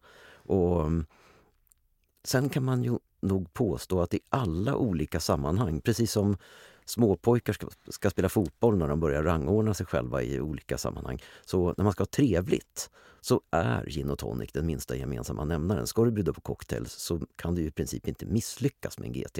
Du kan göra en amatörmässigt stark eller du kan göra en amatörmässigt bitter därför att du ska hitta på något jävligt fancy eller någonting sånt där. Men, men det blir liksom aldrig dåligt ändå. Det blir fortfarande en av, en av gatans bästa cocktails oavsett hur du, hur du ställer till den. Och, och därför så sprang man omkring. Affärsvärlden var ju mer vindrick, vin och öldrickare men, men från det att jag började på Stureplan och framåt så kom det ju alltid någon springande med en bricka med GT så fort det var någonting. Alltid. Och, och det där har ju fortsatt även i, i min nuvarande bransch, bokförlagsbranschen. Så, så um, det är liksom den minsta gemensamma sociala nämnaren nästan. Men vad kommer det sig då att du ja, men då ska utveckla den till, till något mer? För just det, det stannar väl hos 99,9 procent stannar väl just det att man häller i eh, lite för lite tonic eller lite för mycket tonic. Men, men man kan inte misslyckas och så bjuder man på det på en fredag. Ja, jo men det kan man ju tycka. Men jag är ju, jag är nog som person sån att jag vill alltid lära mig någonting mer om det jag håller på med. Det ska, allting ska liksom dras på i ändarna och se. Men om man, om man vänder allting upp och ner, vad händer då? då? Vad, vad, hur, hur kan man göra det här lite roligare? Det, det kan gälla faktiskt det mesta som jag överhuvudtaget ägnar mig åt.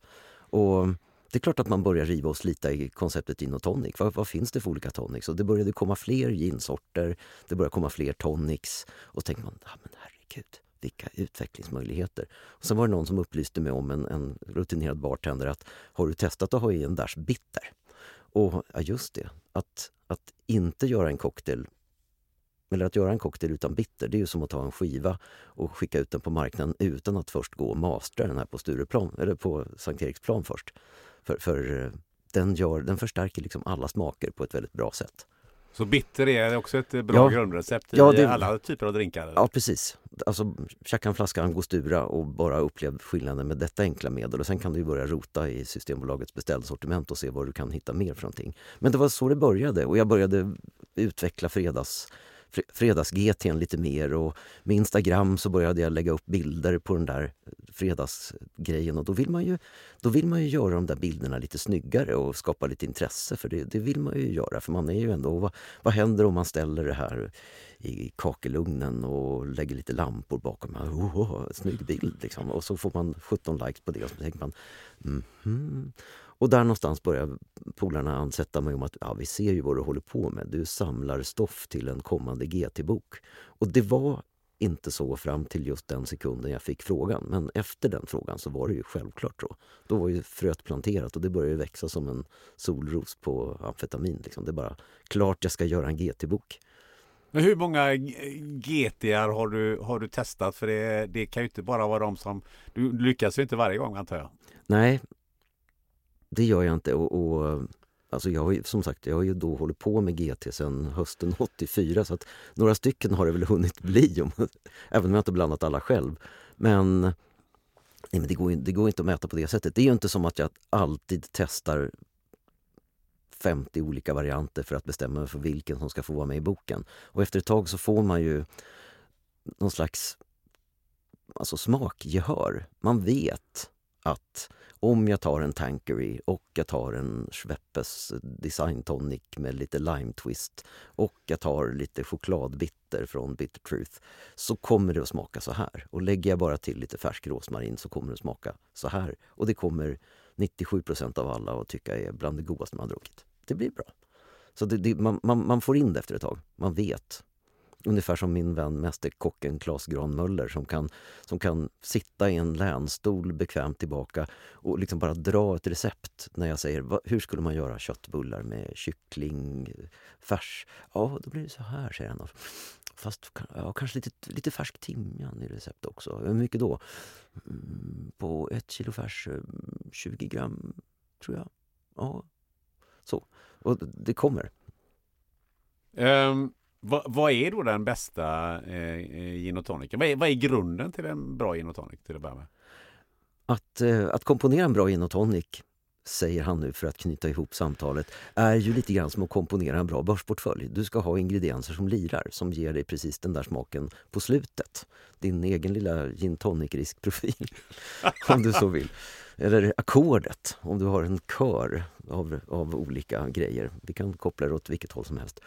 Eh, så, så man måste ha ingredienser som lirar där, där tonicens karaktäristika, det är ju ändå så att toniken är ju på något sätt tre mot en i den här blandningen. Det är tre tonic och... Ja, precis. Så, så till exempel... Det är grunden för en, för en GT? Det, det, det, är en ganska, det är en norm. Du kan göra en, du kan ha 10 centiliter gin till 15 centiliter tonic om du är en skittuff snubbe. Men du kan också göra två på tio om du, om du tänker att du vill dricka fem under kvällen och de ska vara lite olika och så försöker du vara lite klyftig istället. Men, men normen är någonstans fem på 15 skulle jag säga. Okej, okay. och sen då? När, och när du har fått ihop den där ginen som, som du känner att den har ju den har en smak av hallon men också en bakgrund där vi känner lite skogliga dofter och naturligtvis enbäret som, är ju, som alltid måste vara med på ett, på ett bra sätt. Så då hittar du en tonic som kanske förstärker den eller som, som eh, debatterar med den i munhålan. Och sen börjar jag fundera på, okej, okay, så nu har jag hallon där, jag har någonting som är lite åt det stiffare hållet där som ska släppa fram hallonsmaken därifrån. Men kan jag hitta på någonting mer? Ja, men den där skogliga grejen då? Ja, men då kanske det är färsk rosmarin som ska in där på lodrätt 3.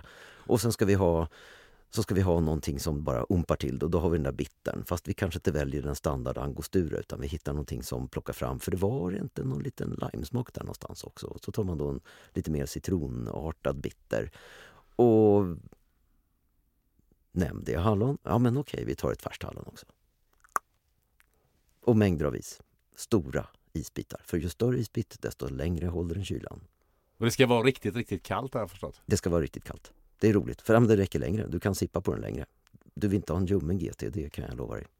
Nej, nej det har man ju druckit. Eh, mm. Precis, du refererar till den där i Alvik där. Ja. Eh, och, och, jag har ju kommit lite längre än, än så men, men gin som sådant eh, i den formen är ju inte speciellt gott. Alltså, om det är ett gin där det har stått en väldigt själfull destillatör och skapat det enkom för att det ska sippas, för det finns ju sipping gin också, som du ska avnjuta, kanske med en isbit men kanske rent av rent i ett whiskyglas. Då, då, då går det ju. Men ett vanligt jag menar, volymgin, det blir fruktansvärt. Man ser sig om efter katten som ställde till det här.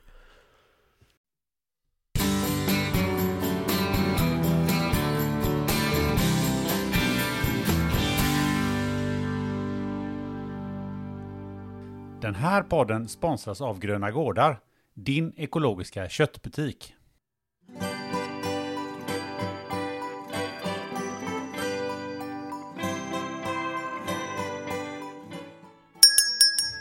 Hallå i julbutiken Märta! Hej Gunnar!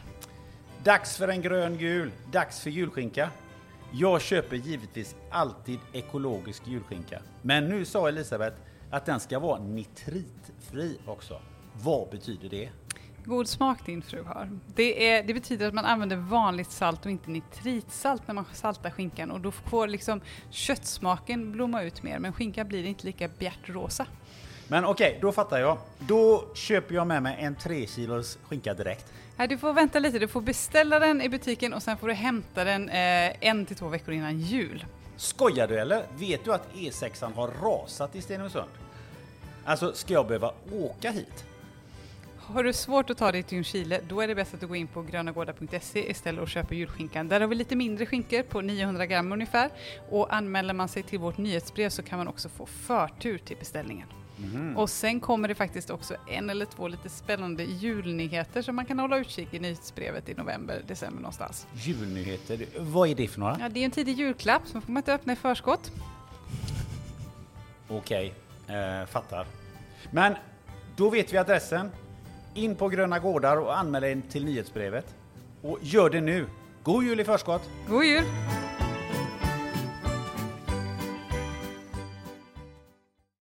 Tack Gröna Gårdar!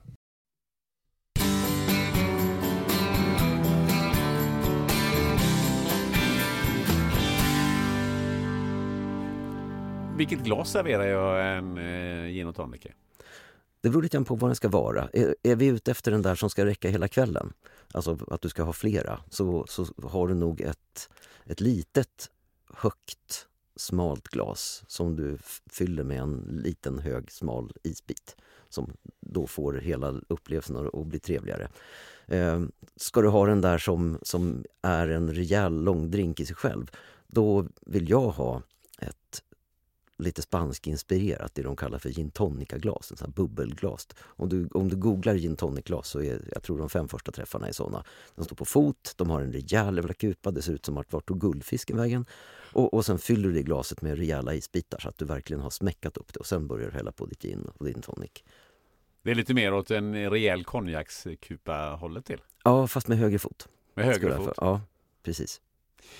Det här ledde ju till den här eh, boken. Ja. Va, hur blev den? Jakten på en perfekt gin tonic heter den och den kom 2018.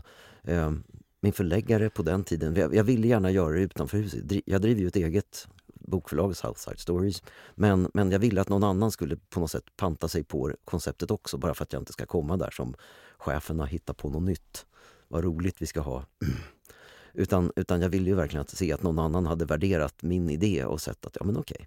Så förläggaren hade satsat på stort och tryckt 3000 ex och de var i samband med releasefesten så fick vi klart för oss att de var redan intecknade allihopa. De var, det var slutsålt. Det beställdes snabbt 2000 till och de på vägen från Baltikum så blev de också, så att säga, någon, någon eh, kedja hade beställningar på dem så att de tog slut innan de nådde svensk mark formellt sett. Det var bara liksom att distribuera ut dem. Så att då gjordes det 4000 till och där håller på. Jag tror att vi sammanlagt med den boken, inklusive en sommarupplaga som vi gjorde, en lite mindre bok med blommigt omslag istället för lite dov, dovare. Jag tror vi är uppe i 45 000 sålda ex. Det är fruktansvärt mycket Den- för vara den typen av bok. Det, det är en kanonsuccé i alla, i alla mått. Det var, det var ett otroligt bra jobb som vi gjorde tillsammans, jag och förlaget och att vi verkligen lyckades sätta den. Och att vi hade tur som tokiga med att ginboomen hade precis börjat ta fart i Sverige. Och det, det här var just den boken som med ett lite fräckare angreppssätt och inte bara pekpinnar utan kolla här, häng med mig på ett experiment. Kör liksom. Den, den, den tonen är och det är roliga bilder och det är liksom allting på en gång på något sätt. Så den, den fick först i den svenska uttagningen i Gourmand Awards så blev den både bästa cocktailbok och, hade, och ansågs ha Sveriges bästa dryckesfoto det året, 2018. Och sen 2019 så åkte vi och tävlade i dryckesolympiaden, Gourmand Awards, i, i Macau av alla ställen. Där då bidrag i de flesta klasser från sammanlagt kanske 190 olika länder eller drygt 200 olika regioner till och med eh, möts och gör upp om vilken är bästa cocktailbok. Alltså det är inte 200 i varje klass men det, det kan ju vara 12-15 i en klass och 20 i en annan som har börjat tävla och sen så är det, kvarstår det fyra, fem på shortlist och sen är det någon som vinner. Och, och den här boken vann en, en alldeles nyinstiftad klass därför att det kom så himla många ginböcker det året så det blev världens bästa ginbok 2019. Och det var ju lite skoj. Milt uttryckt. Och du hade ju tagit alla bilderna förstår jag. Ja, det gjorde jag också. Det, var, det blev nästa, nästa sån här grej. Det här verkar kul. Kan man testa det? Kan man bli bra på det här? Men det, var det, hur mycket foto hade du i dig innan? och Sådär, med de här Instagram-bilderna? Ja, Jag höll på lite grann. Jag hade de som kommer ihåg hur det var på Vasatiden minns en, någonting som heter fritt valt arbete i skolan. Så där höll jag på lite grann och slaskade och vaskade med mina svartvita bilder och brorsans gamla lådkamera. Men, men sen fick det där stå tillbaks för en massa andra passioner av olika slag och inte minst musiken och sen finansmarknaden och sen alla möjliga andra grejer och så det kom barn emellan visst också och sådär. Men plötsligt så hade jag lite tid för att barnen var stora och, och den här boken skulle ut och då tänkte jag men jag ska fan ta alla bilder själv också. Det blir ju roligt. Nu ska jag ha en kamera. Äntligen får jag köpa en kamera. Så där började jag. Och Det så, låter lite som den här eh, liknelsen du gjorde med, eh, med eh, trumpeten lite innan där. Ja, men jag har aldrig... Nu har du fotat lite grann men ändå, det var ju inte liksom riktigt den typen av fotografi. Nej, du har hittat ett mönster här din sluge fan. Det är, det är nog så att, en, att den här respektlösheten inför olika musikinstrument som jag ärvde av pappa, den, den, den spred sig nog till andra områden också. Det är klart att jag måste kunna lära mig det här. Det känns ju roligt. Och jag menar, är man väldigt intresserad av saker och ting så, så finns det ju hjälp att få på olika sätt. Så att när jag började fotografera, det var inte som att jag tog upp kameran och sen sköt jag från höften utan jag började med att, att googla How to take very cool product pictures. Det var det första. How to take cool drink pictures var det andra. Och så insåg jag att okej, min studio ligger 495 000 efter vad jag borde ha i utrustningsväg.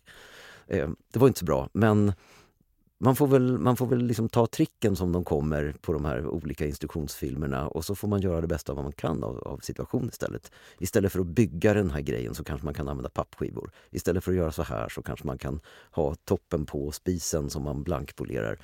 Så blir det ju ändå speglingar under, det blir ju snyggt. Och sen gick jag tog lektioner för en duktig fotograf, Björn Kvarfort. Och, och han lärde mig en massa kloka saker som jag inte hade tänkt på tidigare. Så jag var ju ändå lite jag menar det här med att, att ha en, en bakgrund eller ett, en hjärna som också har jobbat som analytiker. Det hjälper ju när man just ska försöka hitta någon slags, få lite ordning på saker och ting oavsett vad det är för någonting. För jag tänker på att eh, den anknytning till att det är många som säger att eh, ja men, nej, men det där eh, kan ju inte jag eller vadå, det har jag ingen aning om hur, hur man ska göra. Vad bottnar den frimodigheten i? Tror du? Jag tror en slags eh, nästan patologisk nyfikenhet på olika grejer. Jag vill lära mig saker. Det är ju någonting som, som du i journalistrollen kan känna igen. Att man, man vill veta lite mer om nästa ämne oavsett vad det är för någonting. Och man inser efter ett tag att det, det, allt går mer eller mindre att lära sig. Har man suttit två timmar med, med som du gör med, och, och snackat med en DNA-forskare så har man ju lite häng ändå. Och om man, om man tar det där till sin spets och, och lägger, lägger till det en, en, en dådkraftig man som har tid att, att åtminstone fundera över hur man gör så, så kan man ju börja testa. Och, och det är frågan bara Var får man den här drivkraften som gör att man faktiskt inte kan låta bli? Min, min salig far sa alltid om du kan tänka dig att göra någonting annat, så gör det. Och, och Betydelsen av det är ju att när du inte kan tänka dig att göra någonting annat så är det ju det här du ska hålla på med. Och står man då där och känner att mitt liv kommer aldrig mer att kännas komplett om jag inte får prova att fota den här jävla boken. För det, det kommer att bli så roligt och bra och jag ska få det att funka. Och sen är det ju inte precis raketforskning att, att lära sig grunderna för att ta coola drinkbilder. Det ska man inte säga någon, någon eh, som att klättra upp på Mount Everest precis. Men, men det, det, kräver ju ändå att man, att man går in med det seriöst. Att man faktiskt hajar hur kameran funkar och vilka reflexer som ska undvikas och så vidare. Och sen går man vidare. Och nu, nu både fotar jag och efterprocessar och gör allting klart med alla mina bilder. Ja, för du var ju inte heller fullkomlig när det gäller eh, ginen utan du har ju gett dig in på lite andra spritsorter också har jag förstått. Ja, jag blev ju, om vi då studsar tillbaks till märkbläcket igen, så var det ju där en miljö där det förekom väldigt mycket alkohol och det skulle ju blandas försåtliga välkomstdrinkar när man hade fester med andra orkestrar och så vidare. Så att där någonstans så utvecklades ju till den här killen som, som alltid håller på med någon skum dekokt. Och sen när man hänger i lite mer vuxen ålder så var jag väl den grabben som gjorde de där spännande drinkarna till nyårsfesten och till alla andra olika fester av olika slag.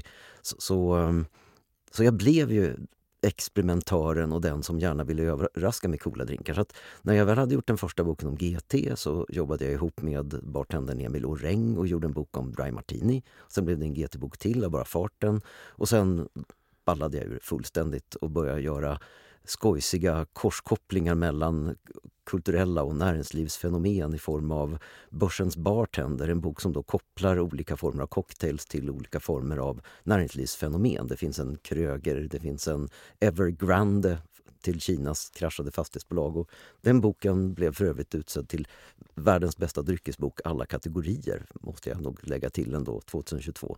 Jag fastnade för att det fanns en drink som heter Refat också. Vad är det för ja, drink? Oh, det det måste jag nästan försöka komma ihåg. Jag gjorde den för att inspireras av Refat El Sayed, den egyptiske eh, Fermenta-miljardären som så småningom åt tvål och sprack i ett finansmarknadsperspektiv. Och han beslogs med bokföringsfiffel och en massa sådana saker. Så det gick ju inget bra för Refat, trots att han hade blivit årets svensk och var en härlig kille.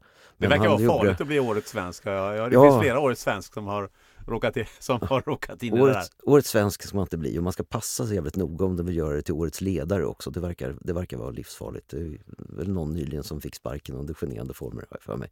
Till exempel. Men, men eh, den innehåller ju då saker som ska påminna om både Fermentas snabba expansion och Refat. Jag tror säkert att jag har någon, någon liten släng av motsvarande raki i den och det är nog en hel del citrus vill jag minnas. Men receptet får man nog rota fram i, i boken. Ja. Det var intressant. Eh, förutom Dry Martini så, så har du väl varit inne på whisky och lite andra, annat eh, sånt också? Ja, vi släppte alldeles nyligen en bok som heter Svensk whisky som, som skrevs och så att säga, analysjobbet gjordes av Henrik Afflodal som är en whiskybedömningslegend i Sverige får man säga. Och jag hakade på som redaktör å ena sidan för någon måste hia, hia honom när han, ska, när han börjar skriva. Han skriver långt och välinformerat men kanske inte alltid för breddmarknaden.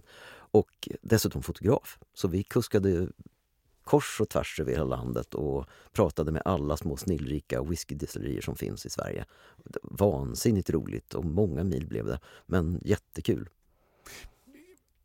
Kan du förklara för mig lite grann? Eh, jag eh, Eh, är ju absolut ingen whiskydrickare. Jag tycker whisky smakar eh, förfärligt. Och så brukar jag för, säga det till eh, mina vänner. Eh, och då säger de, och alla gillar whisky i princip. Eh, och då säger de så här, ja men det är ju, det är ju den whiskyn, men du ska prova den här istället. Så, så, låter det varje gång. Så att det, ja, men du ska inte ta den rökiga, eller du ska ta, du ska ta den här, för den, den tror jag du kommer att gilla. Och jag, jag gillar ingen av de där sorterna. Men så brukar jag säga så här, men jag, men jag tar gärna en konjak. Och då säger man, ja men det är ju nästan samma sak. Och då säger jag så här, eh, det kan det väl inte vara? Ja, de, de har ju lite olika ursprung. Olika grundsprit, olika lagring. Konjak är ju dessutom varumärkesdefinierat som att det måste ha gjorts i konjak. Men, men de har ju rätt i så mått att i blindprovning så kan även ganska seriösa människor ibland snubbla på, på bedömningen vad det gäller vad det egentligen är för någonting. Jag har sett vuxna drivna män fejla att, att skilja ut vad som, är, vad som är ren whisky, vad som är bourbon, som är gjort på majs framförallt då, vad som är konjak och vad som är en, en lagrad men förvånansvärt snäll tequila. Och vi hade också en sipping inne i samma test. Och det här, det var, det var nog fler som hade minst ett fel än det var som hade alla rätt kan man säga, i en sån blindprovning. Så att, jo, det är liknande grejer. Det får man nog ändå säga. Men, men tittar man över bara det svenska spektrat av whiskyfabrikanter så finns det ju allt ifrån otroligt lättdruckna sherryfatslagrade med rätt mycket sötma och många sköna chokladtoner och allting sånt där till de här riktigt gastkramande, rökiga som Smögens riktigt tuffa grejer och så vidare. Så det, det, det, finns ju, det finns ju någonting för alla där. Men det kanske är så att du inte tycker om, vad ska jag säga, bränd sprit över en viss nivå. Du, du kanske verkligen vill ha vad ska jag säga, mörkt men inte brunt. Eller så vill du ha mer spritdrinkar. Jag menar, det är väl inget fel i att vara gin och vodka-kille. Det finns det ingen nedsida på tycker jag. Nej, nej men eh, eh det, det roliga är väl att just, då säger de bara att om du bara inbillar dig att du, att du vet skillnaden mellan whisky och konjak och så vidare. Så här, om, du, om du gör blindtester, det var lite det de varit inne på. Så att, så att jag, eh, eh, nu har jag pratat med en expert så eh, så eh, får jag väl eh, får jag väl kanske ge mig lite då så får jag väl eh, testa lite whisky kanske. Öpp, öppna ditt sinne för svenska whiskyfabrikanter, det tycker jag alltså en, en välgärning. Vi ska, ju, vi ska ju hålla på det våra ändå i olika sammanhang för de är fruktansvärt duktiga. Det finns så många bra destillerier i Sverige och de alla brinner så ögonen står som råttbittar på dem. Eh, verkligen för just sin pryl. Och alla har varit med och byggt sina grejer och har en speciell lösning på pys och stånk-varianten när det ska buteljeras. Och, ja, det, det, det är härligt att se, lära sig om. Så man behöver inte åka till Skottland? Nej, för 17. Böcker är ju någonting som du har varit inne på eh, väldigt mycket. Jag, tror, jag läste mig till att du hade skrivit 42 böcker på 22 år. Inalles. Inalles så hamnar vi någonstans, nog någonstans där. Flera av dem som, som vår senaste Mördarnas mördare är ju skrivna i duo på något sätt. Också. Jag, köttbullsboken skrev jag med två stycken, köttfärssåsboken skrev jag med en kock. Ehm, de senaste två deckarna har jag skrivit tillsammans med andra författare. och ja, det, det är lite olika sammanhang men, men jo, men det blir där någonstans, över 40. Hur halkar du in i författarskapet? Jag tror att jag alltid har varit en, en rapporterande, sammanställande, skrivande person. Och jag skrev ju ofantliga mängder redan som liten och försökte gör, skapa spännande stories och sådär. Så att riktigt var det började, det är jag nog inte riktigt säker på. Utan det var nog bara ett allmänt behov av storytelling, tror jag. Men den springande punkten var för första gången när min min hustru jobbade i ett väldigt udda fastighetsbolag under de glada åren. Eh, där det fanns en, en ledning bestående av två riktigt färgstarka personer som, som gjorde allt som man kan tänka sig av ett expanderande fastighetsbolag under de här glada, galna åren. Riktiga lebesmän bägge två. Och uh, ju mer jag hörde om det där desto mer kände jag att det där måste bli en roman. Nu var det ingen som tyckte att det där skulle publiceras och jag skrev den under min första pappaledighet så jag var 28 bast. Och det, det var nog inte så välformulerat och jag jag satte mig i ett hörn och slickade såren efter det där och bestämde för att äh, jag får återkomma i ärendet men jag har inte tid nu för nu ska jag göra andra grejer. Men sen när jag slutade på Stureplan för första gången och började med kapitalförvaltning på Södermalm så halverades plötsligt min arbetstid från de där 82 timmarna i veckan i genomsnitt och det är faktiskt på riktigt till runt 40. Och då hade jag ju tid att på kvällskvisten gå och eh, plugga hur man faktiskt på riktigt skriver deckare. Och det gick jag för Sören Bondesson som är en legendar bland deckarförfattarutbildare. Och en av mina kurser är ju den numera berömda författarinnan och goda vännen Åsa Larsson. Och, och, så där, där började allting, för jag hade nämligen fått en sån fantastisk idé när jag satt i en taxi i London på väg mellan två kunder tillsammans med hela fastighetsbolaget NCCs ledning. Och vi satt och pratade om vad den här kunden hade frågat och vad de hade svarat och vad de skulle kunnat svara. Och jag insåg att när jag, när jag kom från den där resan, vi hade kanske träffat tio olika institutioner såna här stora pensionsförvaltare. Och jag kom hem igen så insåg jag att herregud vad jag vet många grejer som ingen annan vet. Tänk om jag hade bestämt mig för att utnyttja allt det här för egen vinning. Och så skapade jag ett scenario kring det och, och hittade på en liten aktiesparklubb av sam, samsvurna män och kvinnor som mjölkar marknaden och sen blir en lite girigare och hotar att avslöja de andra om man inte får lite mer pengar. Och då är det en annan som fattar agg och börjar avrätta de andra istället. För att det här är risk mot karriären som man inte kan ta. Plus att han då har kommit på något sätt över eh, gränsen och blir en sån där som man är rädd för att träffa. Och så skrev du det där och så, och, och så, så gick med till, till ett förlag. Och så skrev jag den och så gick jag med den till, ett, till en bunt förlag. Boken heter En gudabenådad bullshitter och det är ju ett gammalt finansmarknadsordspråk som min, som min eh, chef på den tiden, den, den legendariske Nico Gidroik, sa To be a good analyst mate you have to be paranoid, arrogant and a compulsive bullshitter. Så då blev det en gudabenådad bullshitter. Och jag gick med den till flera olika förlag och de stora förlagen tyckte om det ena men inte det andra i boken, eller tvärtom. Och småförlagen kom och sa att ja, men vad roligt, det här vill vi gärna ge ut. Vi ser att du jobbar med kapitalförvaltning, du har väl kollegor som kan köpa några hundra och vi ser att du har varit journalist, du kanske kan sköta PR för den här boken. Och jag tänker, wait, vad ska ni göra utom att sätta ett ISB-nummer längst bak på boken och skicka den till tryck då? Äh, fuck it, vi kör. Jag startar eget. Och där föddes förlaget som på den tiden hette Kalla kulor och numera Southside Stories. Ja, vad jag förstått så eh, eh, startade du Kalla kulor tillsammans med några andra. Ja, jo, vi, dels så hade jag några gamla finansmarknadskompisar i bakgrunden som, som lovade att vara med och stödja projektet ifall det behöver skjutas in kapital. Och sen hade, hade och har jag en målerisk granne som jag insåg skulle ge projektet en, en viss aura av kvalifikation och Eh, kontrovers, nämligen Robert Aschberg. Så jag, vi hade ju surrat om deckare och allt möjligt sånt där på gårdsfester och annat och jag visste att han var intresserad så jag, jag lyckades på olika sätt locka med honom, vilket jag är väldigt glad för. Han är en duktig kille och han, hans namn gjorde ju hela skillnaden när det gäller att få skriverier om boken till en början. Och han var med under flera år som god rådgivare och allmän stöttare sådär som bussetyp helt enkelt. Och, och sen när, när jag började jobba med det på heltid så då var det dags att välja. Så då, då valde han att inte kliva in som riktig ägare också. Du, eh, jag måste ju ändå eh, gå igenom några av de här böckerna som du själv har, har eh, skrivit. För det är, det är en flora, det är ju inte bara deckare. Och mm, deckare, bara deckare är ju inte bara deckare om man säger så, inte så. Men, men jag tänkte att jag plockat ut eh, fem titlar som jag tänker att du kunde berätta eh, storyn kring och vad, okay. vad, de, vad de innebär. Nej, men det här blir kul. Ja, eh, den första är eh, Toppa för att krossa, tio lektioner för onda knattetränare. du gräver djupt. Okej. Okay. Eh, det här hänger samman med att jag var knattetränare i Hammarby fotboll när min, när min grabb var liten. Och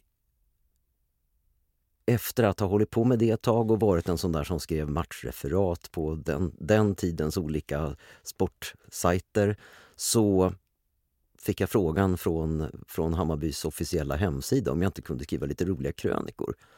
Och det började jag göra och det, från, till en början så var det mest allmänna betraktelser som krönikor blir.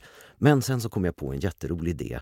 För i precis, precis som det är på Stureplan så finns det tjuv och rackarspel och höga ambitioner och djävulstyg i största allmänhet i knatteföräldersammanhang. Grabbarna springer omkring på plan och vill bara göra mål. Men bland föräldrarna så ryker det, ryker det mer än kaffekoppen, som det står i visan. Och, och det var några av mina tränarkollegor, inte i, i, mitt gäng utan i några andra gäng, som verkligen var alltså, tvättäkta ondskefulla typer. De, jag återkom till dem i, någon, i, en, i en bok, och, en deckare en gång också, där jag tillät mig att mörda en. Men, men då, då, gjorde jag en, då gjorde jag en serie krönikor som hette Machiavelli och konsten att leda ett knattelag. Och när jag hade skrivit tio sådana där så insåg jag att det här är en bok. Och det intressanta, kanske, om man nu tycker att det här är intressant överhuvudtaget, är att, att alla delar i den här artikelserien byggde på ett kapitel i Machiavellis Fursten. Ja, spännande. Den som är intresserad får, får eh, ja. titta vidare. En annan är ju Heavy Metal Management. Ja, vilken, vilken eh, succé det blev då. Just det här med krysset mellan det ena och det andra är ju någonting som är väldigt roligt. Och här satt jag på en... Därför att min grabb blev otroligt intresserad av gitarr i nästa skede. Jag skyller allt på min son. Så, så eh, då kom han ju till mig och frågade pappa hur gör man det här? Och eh, till en början så kunde jag ju verkligen visa honom och, och svara. Sen så var vi tvungna att gå, bli lite mer avancerade, gå ut på Youtube, få lite tips. Och så småningom så hade vi bägge två blivit ganska drivna och tyckte det var roligt att spela hårdrock. Och, och då hamnade vi så småningom på Mattia, Mattias Ia Eklunds Freak Guitar Camp i Herrsjön utanför Göteborg. Där han varje år samlar tre veckor av gitarrgalningar som samlas och spelar överljudssolon tillsammans. Alla sitter med sin egen lilla förstärkare och sina egna hörlurar tack och lov.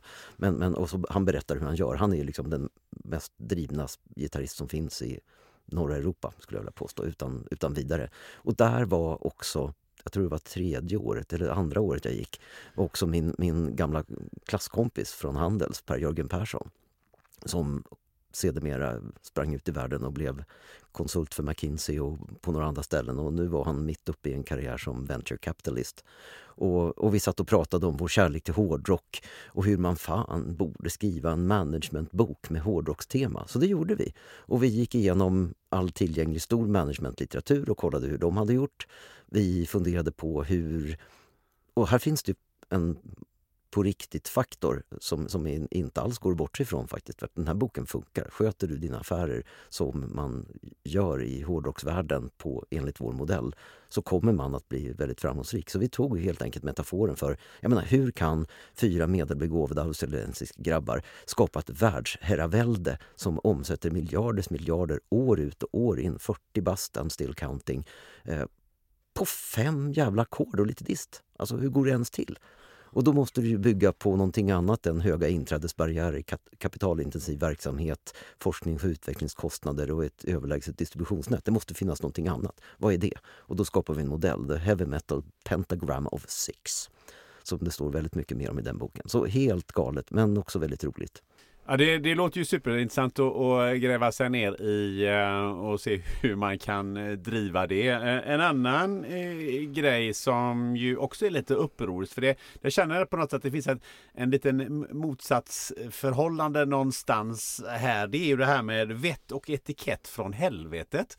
För, för, det, för det, det är ju lite så här. Etiketten var, det var grå kostym, man ska ha viss skjorta på sig, man ska äta ett visst sätt, det finns bestick, vita dukar och allt vad, vad, det nu, vad det nu var i den branschen. Och sen så kommer då vettig etikett från helvetet. Berätta. Ja, eh, egentligen så är det så är det den enda etikettbok du behöver. Men det är inte alls den etikettbok du trodde att du efterfrågade. För etikett kan ju ses på två sätt. Och det, det ursprungliga sättet är ju en samling eh, fastslagna normer för hur man dukar, hur man beter sig vid bordet, hur man uppträder för att folk från olika kulturer när de kommer till den här typen av tillställning ska veta precis hur man beter sig. Så att alla kan sluta, slippa fundera och bara ägna sig åt att ha trevligt tillsammans. Det, är ju, det som är viktigt är ju, liksom, när, du, när du möts i ett socialt sammanhang, det är ju att liksom, ha, ha nice. Det är ju det vi är där för. Men som det har blivit så, till och med när jag jobbade på en, på en saligen avsomnad verksamhet som kallade sig för HQ Bank så bjöd man ju in Magdalena Ribbing som ju är en förtjus eller var en förtjusande person som gick bort alldeles för tidigt. Och så att hon fick berätta om vett och etikett och så fick alla hennes bok. Och där någonstans så kom fröet till den här lite, vad ska vi kalla det för, eh, debatterande boken. Därför att plötsligt börjar alla, och det har jag sett i så många sammanhang, näpsa varann med att kunna etikett lite bättre. Och vips har etiketten gått från att vara det som får allting att snurra till det enda man sitter och snackar om. Och så blir man väldigt självmedveten. Och hur var det nu? Såsen till höger och hett från vänster. Eller varmt från vänster, hett från höger. Nej, kommer inte ihåg längre. Det här var jobbigt, jag går hem. Eh, och så ska man inte ha etiketten. Och jag slår vad om att alla som hör den här podden har, kommer ihåg flera situationer där man har suttit på en middag där någon plötsligt börjar undervisa sina ungar i etikett på ett sätt som blir allt annat än trevligt. Och jag tänkte att varför ska det behöva vara så här? Och jag hade då en, en ganska färsk upplevelse i minnet när jag började skriva den här. Där jag hade suttit på en middag bland, bland många väldigt väluppfostrade människor. Och vi hade haft en jättetrevlig kväll och efter middagen så kommer en av middagsdeltagarna fram. En, en välkänd och verkligen dokumenterat väluppfostrad man och sa Jag noterar på ditt bordskick att vi kommer från samma sammanhang. Det här var trevligt. Och hans fru ska garva och säga nej men Hans-Olof var en jävligt bra morsa. Ungefär. Och det jag hade gjort var precis det den här boken bygger på. Den, den heter Vett och etikett från helvetet. Och premissen är att Satan vill värva fler lärjungar. Och det måste han ju göra genom att lära sina anhängare att vara trevliga i alla möjliga sammanhang. Vi skojar till det lite grann där. Det var en illustratör som heter Jimmy Wallin som, som gjorde superfina teckningar som är väldigt mycket jävlar åt olika sammanhang. Och, men, men hela grejen är liksom att lär dig att smälta in var du än kommer. Och det är verkligen motsatsen till att, att just sitta och skrika du ska hålla gaffeln i höger hand, ungjävel. Nej, jag menar vänster. Gör som jag gör och inte som jag säger eller nåt. Skärp dig! Och så blir allting jättetråkigt. Men det här med vett och etikett, eh, det är väl också ett sätt eh, för mm, vad ska man kalla det för eh, överklassen att, att skilja sig från, från andra. Det vill säga att utesluta eh, människor bara genom att människor inte vet hur de ska bete sig vid en finare middag. Det kan det vara. Och då använder man ju den här boken till att, bokens lärdomar, till att snabbt som fan observera och gå med. Ser man att alla sitter på ett visst sätt, och det tar inte så himla lång tid att se hur folk sätter sig ner, hur man håller händerna i knät mellan varje tugga eller vad det nu kan vara för någonting väluppfostrat och, och att, man, att man innan man börjar dricka så väntar man på att någon ska skåla med en så att taffeln är bruten och sånt där. Och, och Alltså, är man intresserad så är det bara att köra. Och, och det, det, är det som den här boken lär ut. Sitt inte och plugga regler. Anpassa dig till läget. För tänk om du kommer någonstans där man inte alls lägger dessertskeden på det där sättet utan åt andra hållet. Tänk om du råkar plocka upp den av misstag då i fel hand. Nej, observera först. Har du, har du någon gång kliat i dig vid, vid såna här finare tillställningar att göra precis allting tvärtom? Nej, nej. Jag är ingen, jag är ingen sån alls. Jag, jag, jag hatar dålig stämning. Ja men bara för att bara för på något sätt eh, visa att det går att göra på ett annat sätt. Mm, nej, egentligen alltså jag är ingen sån agitator på det, på det viset. Jag, jag, jag kan ifrågasätta givna sanningar men, men eh, nej, det skulle jag inte säga nej. faktiskt. Nej, men det är intressant det där. Eh, vi ska lite snabbt glida in då på situation Stureplan. Jaha. Eh, den underrubriken är allt du velat veta om finansbranschen men inte haft eh, råd att fråga. Vad är det för bok? Det är också en liten pamflett som jag gjorde i eh, affekt efter att ha jobbat på den där banken vars namn jag just nämnde. Och den handlade egentligen om, det var en slags anställd trygghetsförsäkring som alltså fungerade så att den försäkrade mig tryggt om att jag aldrig mer kommer att bli anställd igen genom att ta heder och ära av i princip hela finansbranschen. Genom att avslöja tricken och avslöja alla, alla eviga lögner. Eh, jag har siffrorna på kontoret men jag kommer tillbaks till dig i eftermiddag om det. Exempelvis en sån grej som man säger bara för att aikidoa undan en, en svår fråga. Och alla möjliga andra grejer. Och man förklarar vem som betalar och någon annan nämligen. Och så vidare. Så det, det, är en, en liten stridslysten pamflett som fick ganska bred spridning och som ledde till att två gamla vänner från bankingtiden sa upp bekantskapen med mig. Var det så? Och served them right kan jag säga. Om man blir arg på en liten bok så får man väl ta... Så var det nog inget för mig i alla fall. Ja, det var så. Ja, även där en liten, eh, liten eh, revolt. Eh, ja, jo, men, ja, jo, absolut. Det, jag satt ju inte och skrek när jag var där. Ni är idioter allihopa, skärp er. Utan jag gick hem och skrev en bok så småningom istället. Någon slags Strindbergsk passiv aggressivitet.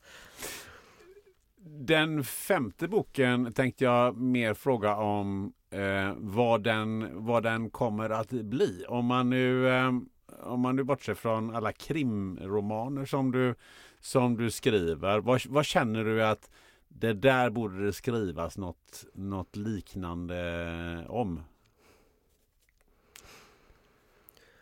Den femte boken i en rad som du just har beskrivit eller Mm, ja, vilken precis. som helst? Nej, men jag tänker att det finns ju andra saker i samhället eller i det du har upplevt som du känner att där borde det ju skrivas en lite annorlunda bok om. Finns det någon sån? Jag tänker nog ändå att den senaste boken som verkligen följer i den och som ju blir en serie nu också, det är ju eh, Mördarnas mördare och allt det som den står för. För i den boken så, så den, den började som en cool titel, det måste jag villigt erkänna. Det, Mästarnas mästare, mördarnas mördare. Det är bra, det kör vi. Men vad ska den handla om? Och där någonstans så, så vänder jag mig runt i samhället och ser hela gängkriminaliteten och vad den får för följder.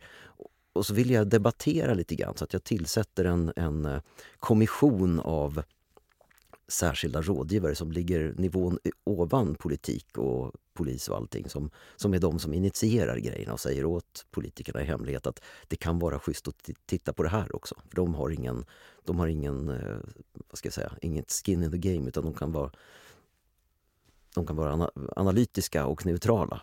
Och de kommer fram till att gängproblematiken och skjutningarna i största allmänhet är det största problemet vi har i samhället just nu. Och det, ju- det håller jag ju verkligen privat också med om naturligtvis. Sen lanserar de en lösning som är, som är skräddarsydd av författarna för att det ska bli en bra underhållningsroman. Men frågan som ställs där är ju egentligen hur kan samhället som nu sitter med ryggen mot väggen och så in i bänken och indrivna i hörnet, hur kan man när polisen har anslag på 50 miljarder om året och brottsligheten omsätter 150 och and counting. När polisen tar tre år på sig att utbilda en ny polis och ytterligare tre år att få den i duglig tjänst.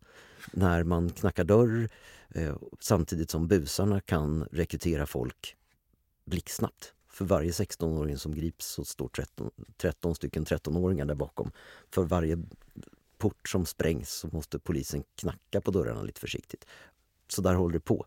Vad, vad kan man egentligen göra? Och då, då använder vi som ett litet polemiskt och diskussionsmässigt verktyg att man anställer två stycken yrkesmördare som skjuter topparna i nätverken. Istället för att försöka jaga små, småhandlare så är de alla, alla toppar i nätverken är ju redan polisiärt definierade men det går inte att komma åt dem därför att de är för smarta när det gäller att dölja sina spår och ha mellannivåer. Så vi ville skapa den där. Så att det, det är den debatt jag befinner mig i just nu kan jag känna. Jag, jag har inte så många fräschare idéer än det för det är nog det viktigaste problemet vi har just nu. Ja, det, det kan vi onekligen eh, hålla med om. om, om eh, då blir jag lite nyfiken då. Um om man bortser just från det här att man tillsätter två, två mördare som, som så att säga skjuter av eh, det värsta av det här eh, gänget. Vad, vad, vad tänker du eh, själv kring det om man är lite mera eh, seriös? Vad, vad, har du landat i några eh, funderingar kring vad, vad man borde göra?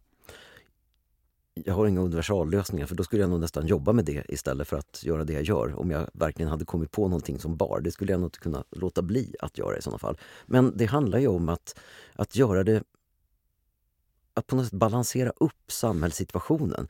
Det är ju för enkelt att hålla på med brottslighet för att tjäna pengar. Än att, alltså, när, när, när du står som som 13-åring och funderar på vad, jag ska bli, vad ska jag bli när jag blir stor. Och så bor du i ett område där det redan finns en del framgångsrik kriminalitet. Så kommer det att förstärkas jättemycket. Du har lite halvknaggligt med språket fortfarande därför att många av dina kompisar pratar inte rent. Du heter någonting som du vet gör det problematiskt att få alla jobb du skulle vilja göra. Det är svårt att, kom, att få ro i skolan därför att även om du är lite stillsammare så är det alltid någon annan som bråkar och som hoppar omkring och, och liksom slåss och, och, och jäklas. Och sen så ser du hur just den där bråkiga jäkeln två år senare när du just har börjat fundera på om du kanske ska söka till gymnasiet så kommer han med liksom senaste moppen, märkeskläder, guldkedja, sprider kosing omkring sig som, som bara den. Jag menar, när jag var liten och växte upp i, i Skultuna, så den kille i trakten som påverkade mig ganska mycket när det gällde såna här saker, han, han var en eh, kompis vars pappa drev ett dansband. Och den här killen kom och hade den coola bilen och en rulle med hundralappar i, i jeansjackfickan därför att han hade varit och lirat svart. Men, men liksom, det var ju så crime and thug life det blev i Skultuna på 70-talet. Och, men men jag, alltså, översätt mig i den situationen till den här lille killen i, i orten idag så kommer han att se att jag behöver fyra veckors befattningsutbildning. Det börjar med att jag, att jag springer ärenden, det fortsätter med att jag lagrar vapen.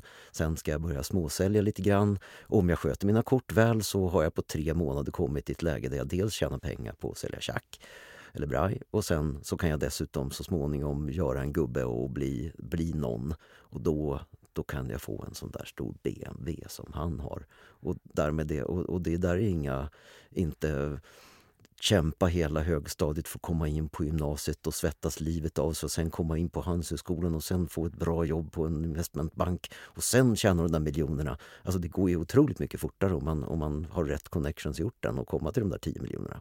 Så är det ju. Och det där måste vi på något sätt balansera ut så att det känns mindre attraktivt att hålla på med sånt där. Och det handlar ju om stödinsatser med i skolorna, att se till så att det faktiskt finns resurser att ta hand om folk. Att, att, att göra det på ett strukturerat och, och humant sätt. Det, jag tror inte bara att det jag menar, man kan inte låsa in alla som inte har 5 och 0 i skolan. Liksom. Och någonstans måste man dra gränsen. Var, varför inte försöka hjälpa till där i början? Och att också ha resurser till... Om nu brottsligheten kostar även det lilla, de små delarna i näringslivet 100 miljarder om året. Vilket, då kan man lika gärna lägga de pengarna på att utveckla utveckla motåtgärder av olika slag. Och då menar jag liksom inte att ta in armén och peppra alla som visar sig utan då menar jag att just bygga ett samhälle som blir starkare på alla sätt och vis. Det är, och det kan man, det kan man verifiera med, i handelshögskoletermer med att marginalnyttan av att faktiskt stävja brottsligheten är väsentligt högre än marginalkostnaden för det. Ja, men det verkar ju inte alla riktigt ha insett. Nej, nej det tror jag inte. Och, och, och, man får väl helt enkelt ta sig en funderare. Det finns ju kriminologer som, som sitter och forskar på sånt här och räknar på det och lär sig saker. Och de kanske man ska lyssna på när man istället för att Twitter-posera med enbart hårdare tag. Det är väldigt mycket flummigare att komma och säga att vi måste, nu har vi den situation vi har i landet, nu måste vi ordna upp det här. Och istället för att säga att vi ska sparka ut alla som inte sköter sig, vi ska göra det här för det är snabbt och det är hårt och det är väldigt, väldigt enkelt att boxa in. Jag, jag tar en back och åker ut och plockar folk och sen skickar jag iväg den och se, noll problem. Men det är inte så det funkar. Vi, vi, har ju, vi är ju där vi är och läget är vad läget är. Så då måste vi lösa det härifrån och, och då kan man ju bara se att om brottsligheten kostar 100 miljarder så är det lönsamt att lägga 90 på att, att få bort den, till exempel. Och det här är ju på årsbasis. Eh, innan vi avrundar, det här för mig lite tillbaka till eh, finansvärlden. För, för vad, de, de här eh, yrkeskriminella och den, den eh, gängrelaterade brottsligheten börjar ju få rätt gott om pengar. Eh, vad händer när de ger sig in i den branschen som du själv har varit i? Det, de gör det inte direkt genom att börja spekulera i aktier tror jag. Eller, eller så. De sätter nog inte upp någon egen fondkommissionär heller utan då handlar det snarare om att på det, på det sätt som de ju redan har lärt sig alldeles utmärkt. Nämligen olika former av bolagsbedrägerier och momsbluffar och allting sånt där.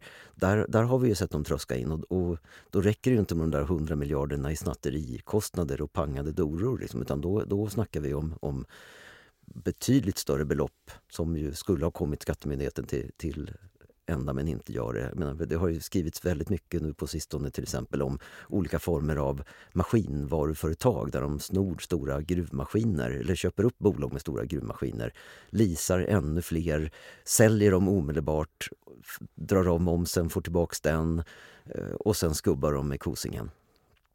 Och, och, allt det där, det, det, det, ser vi ju redan hända och det är ju superallvarligt. Att de skulle komma in på Stureplan, det, det är inte annat än det som tyvärr redan har hänt för många år sedan. Det, det tror jag inte är samma fara.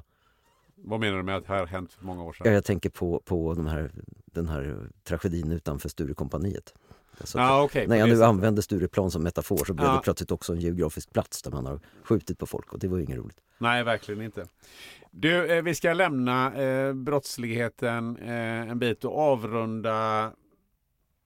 Vi har redan varit inne på din, eh, den senaste eh, boken. Men vad blir, vad blir nästa stora eh, grej för dig tror du? Har, du? har du någonting som är där borta som du inte har eh, eh, rört och eh, rotat i ännu överhuvudtaget som du inte kan någonting om? just, just nu så sparkar jag lite grann på de bollar jag har. Jag känner att jag har mer att ge när det gäller både däck, nya deckare, nya cocktailböcker, nya format, att sprida just cocktailvisdomarna på. Så, så lite mer more of the same innan jag tar nästa kliv in i någonting annat tror jag faktiskt att, att det kommer att vara. Jag, det var länge sedan jag gjorde någon ny musik tillsammans med mitt bluesband så det, det ligger också väldigt högt på önskelistan över saker jag vill att min hjärna ska upplysa mig om vad jag tänker om. Vad, Alltså, jag- vad skulle det kunna vara då? Om du bara får botanisera helt fritt. Ja, men det är ju jätteroligt. Det är sånt där som man, man, man tänker inte på det förrän det bara står där. Ehm, någon form av... Rätt mycket handlar ju om kreativ verksamhet på olika sätt. Gärna i kombination med att jag får hitta på någonting som är en, en affär. Eh, nej, men det, finns, det finns ju rätt många saker som, som roar mig. En ännu starkare satsning på foto kanske. Jag har ju, det är ju rätt många grejer som jag bara börjat krafsa på i sidorna. Jag har ju släppt en del.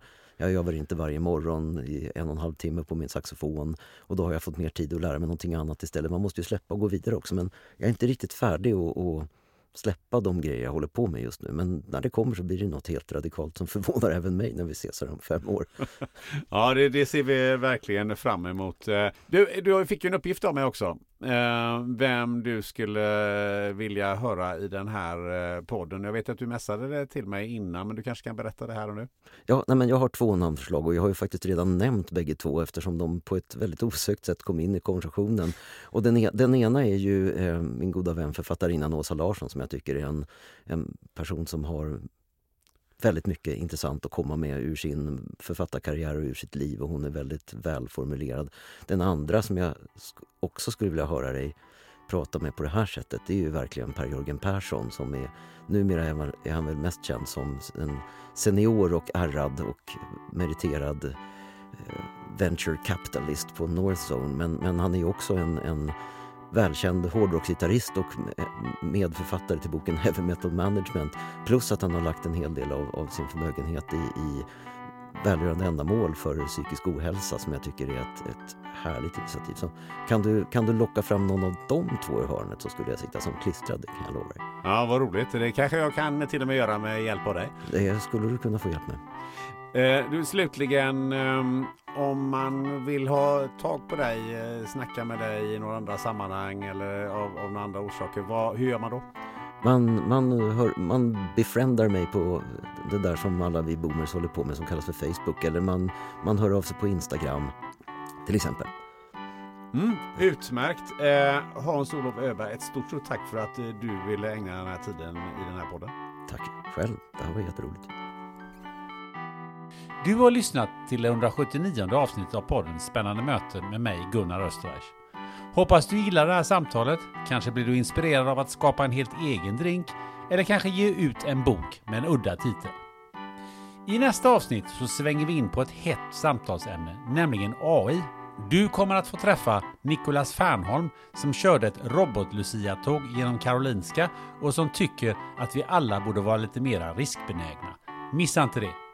Tills dess så vet du vad du gör. Du sätter dig med en vän, du tar något gött att dricka och diskuterar vilken typ av robot som skulle göra mest nytta hemma hos dig. Ha det gött!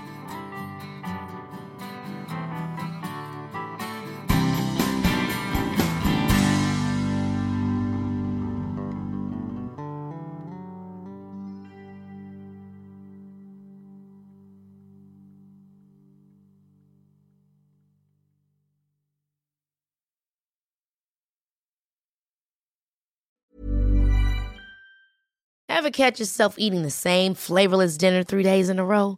Dreaming of something better? Well, HelloFresh is your guilt-free dream come true, baby. It's me, Kiki Palmer.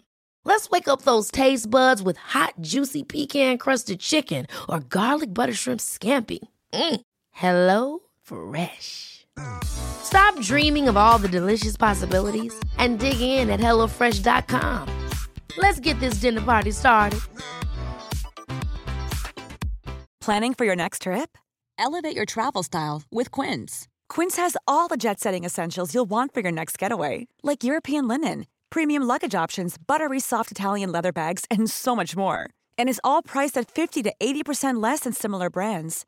Plus, Quince only works with factories that use safe and ethical manufacturing practices. Pack your bags with high-quality essentials you'll be wearing for vacations to come with Quince. Go to quince.com/pack for free shipping and 365-day returns.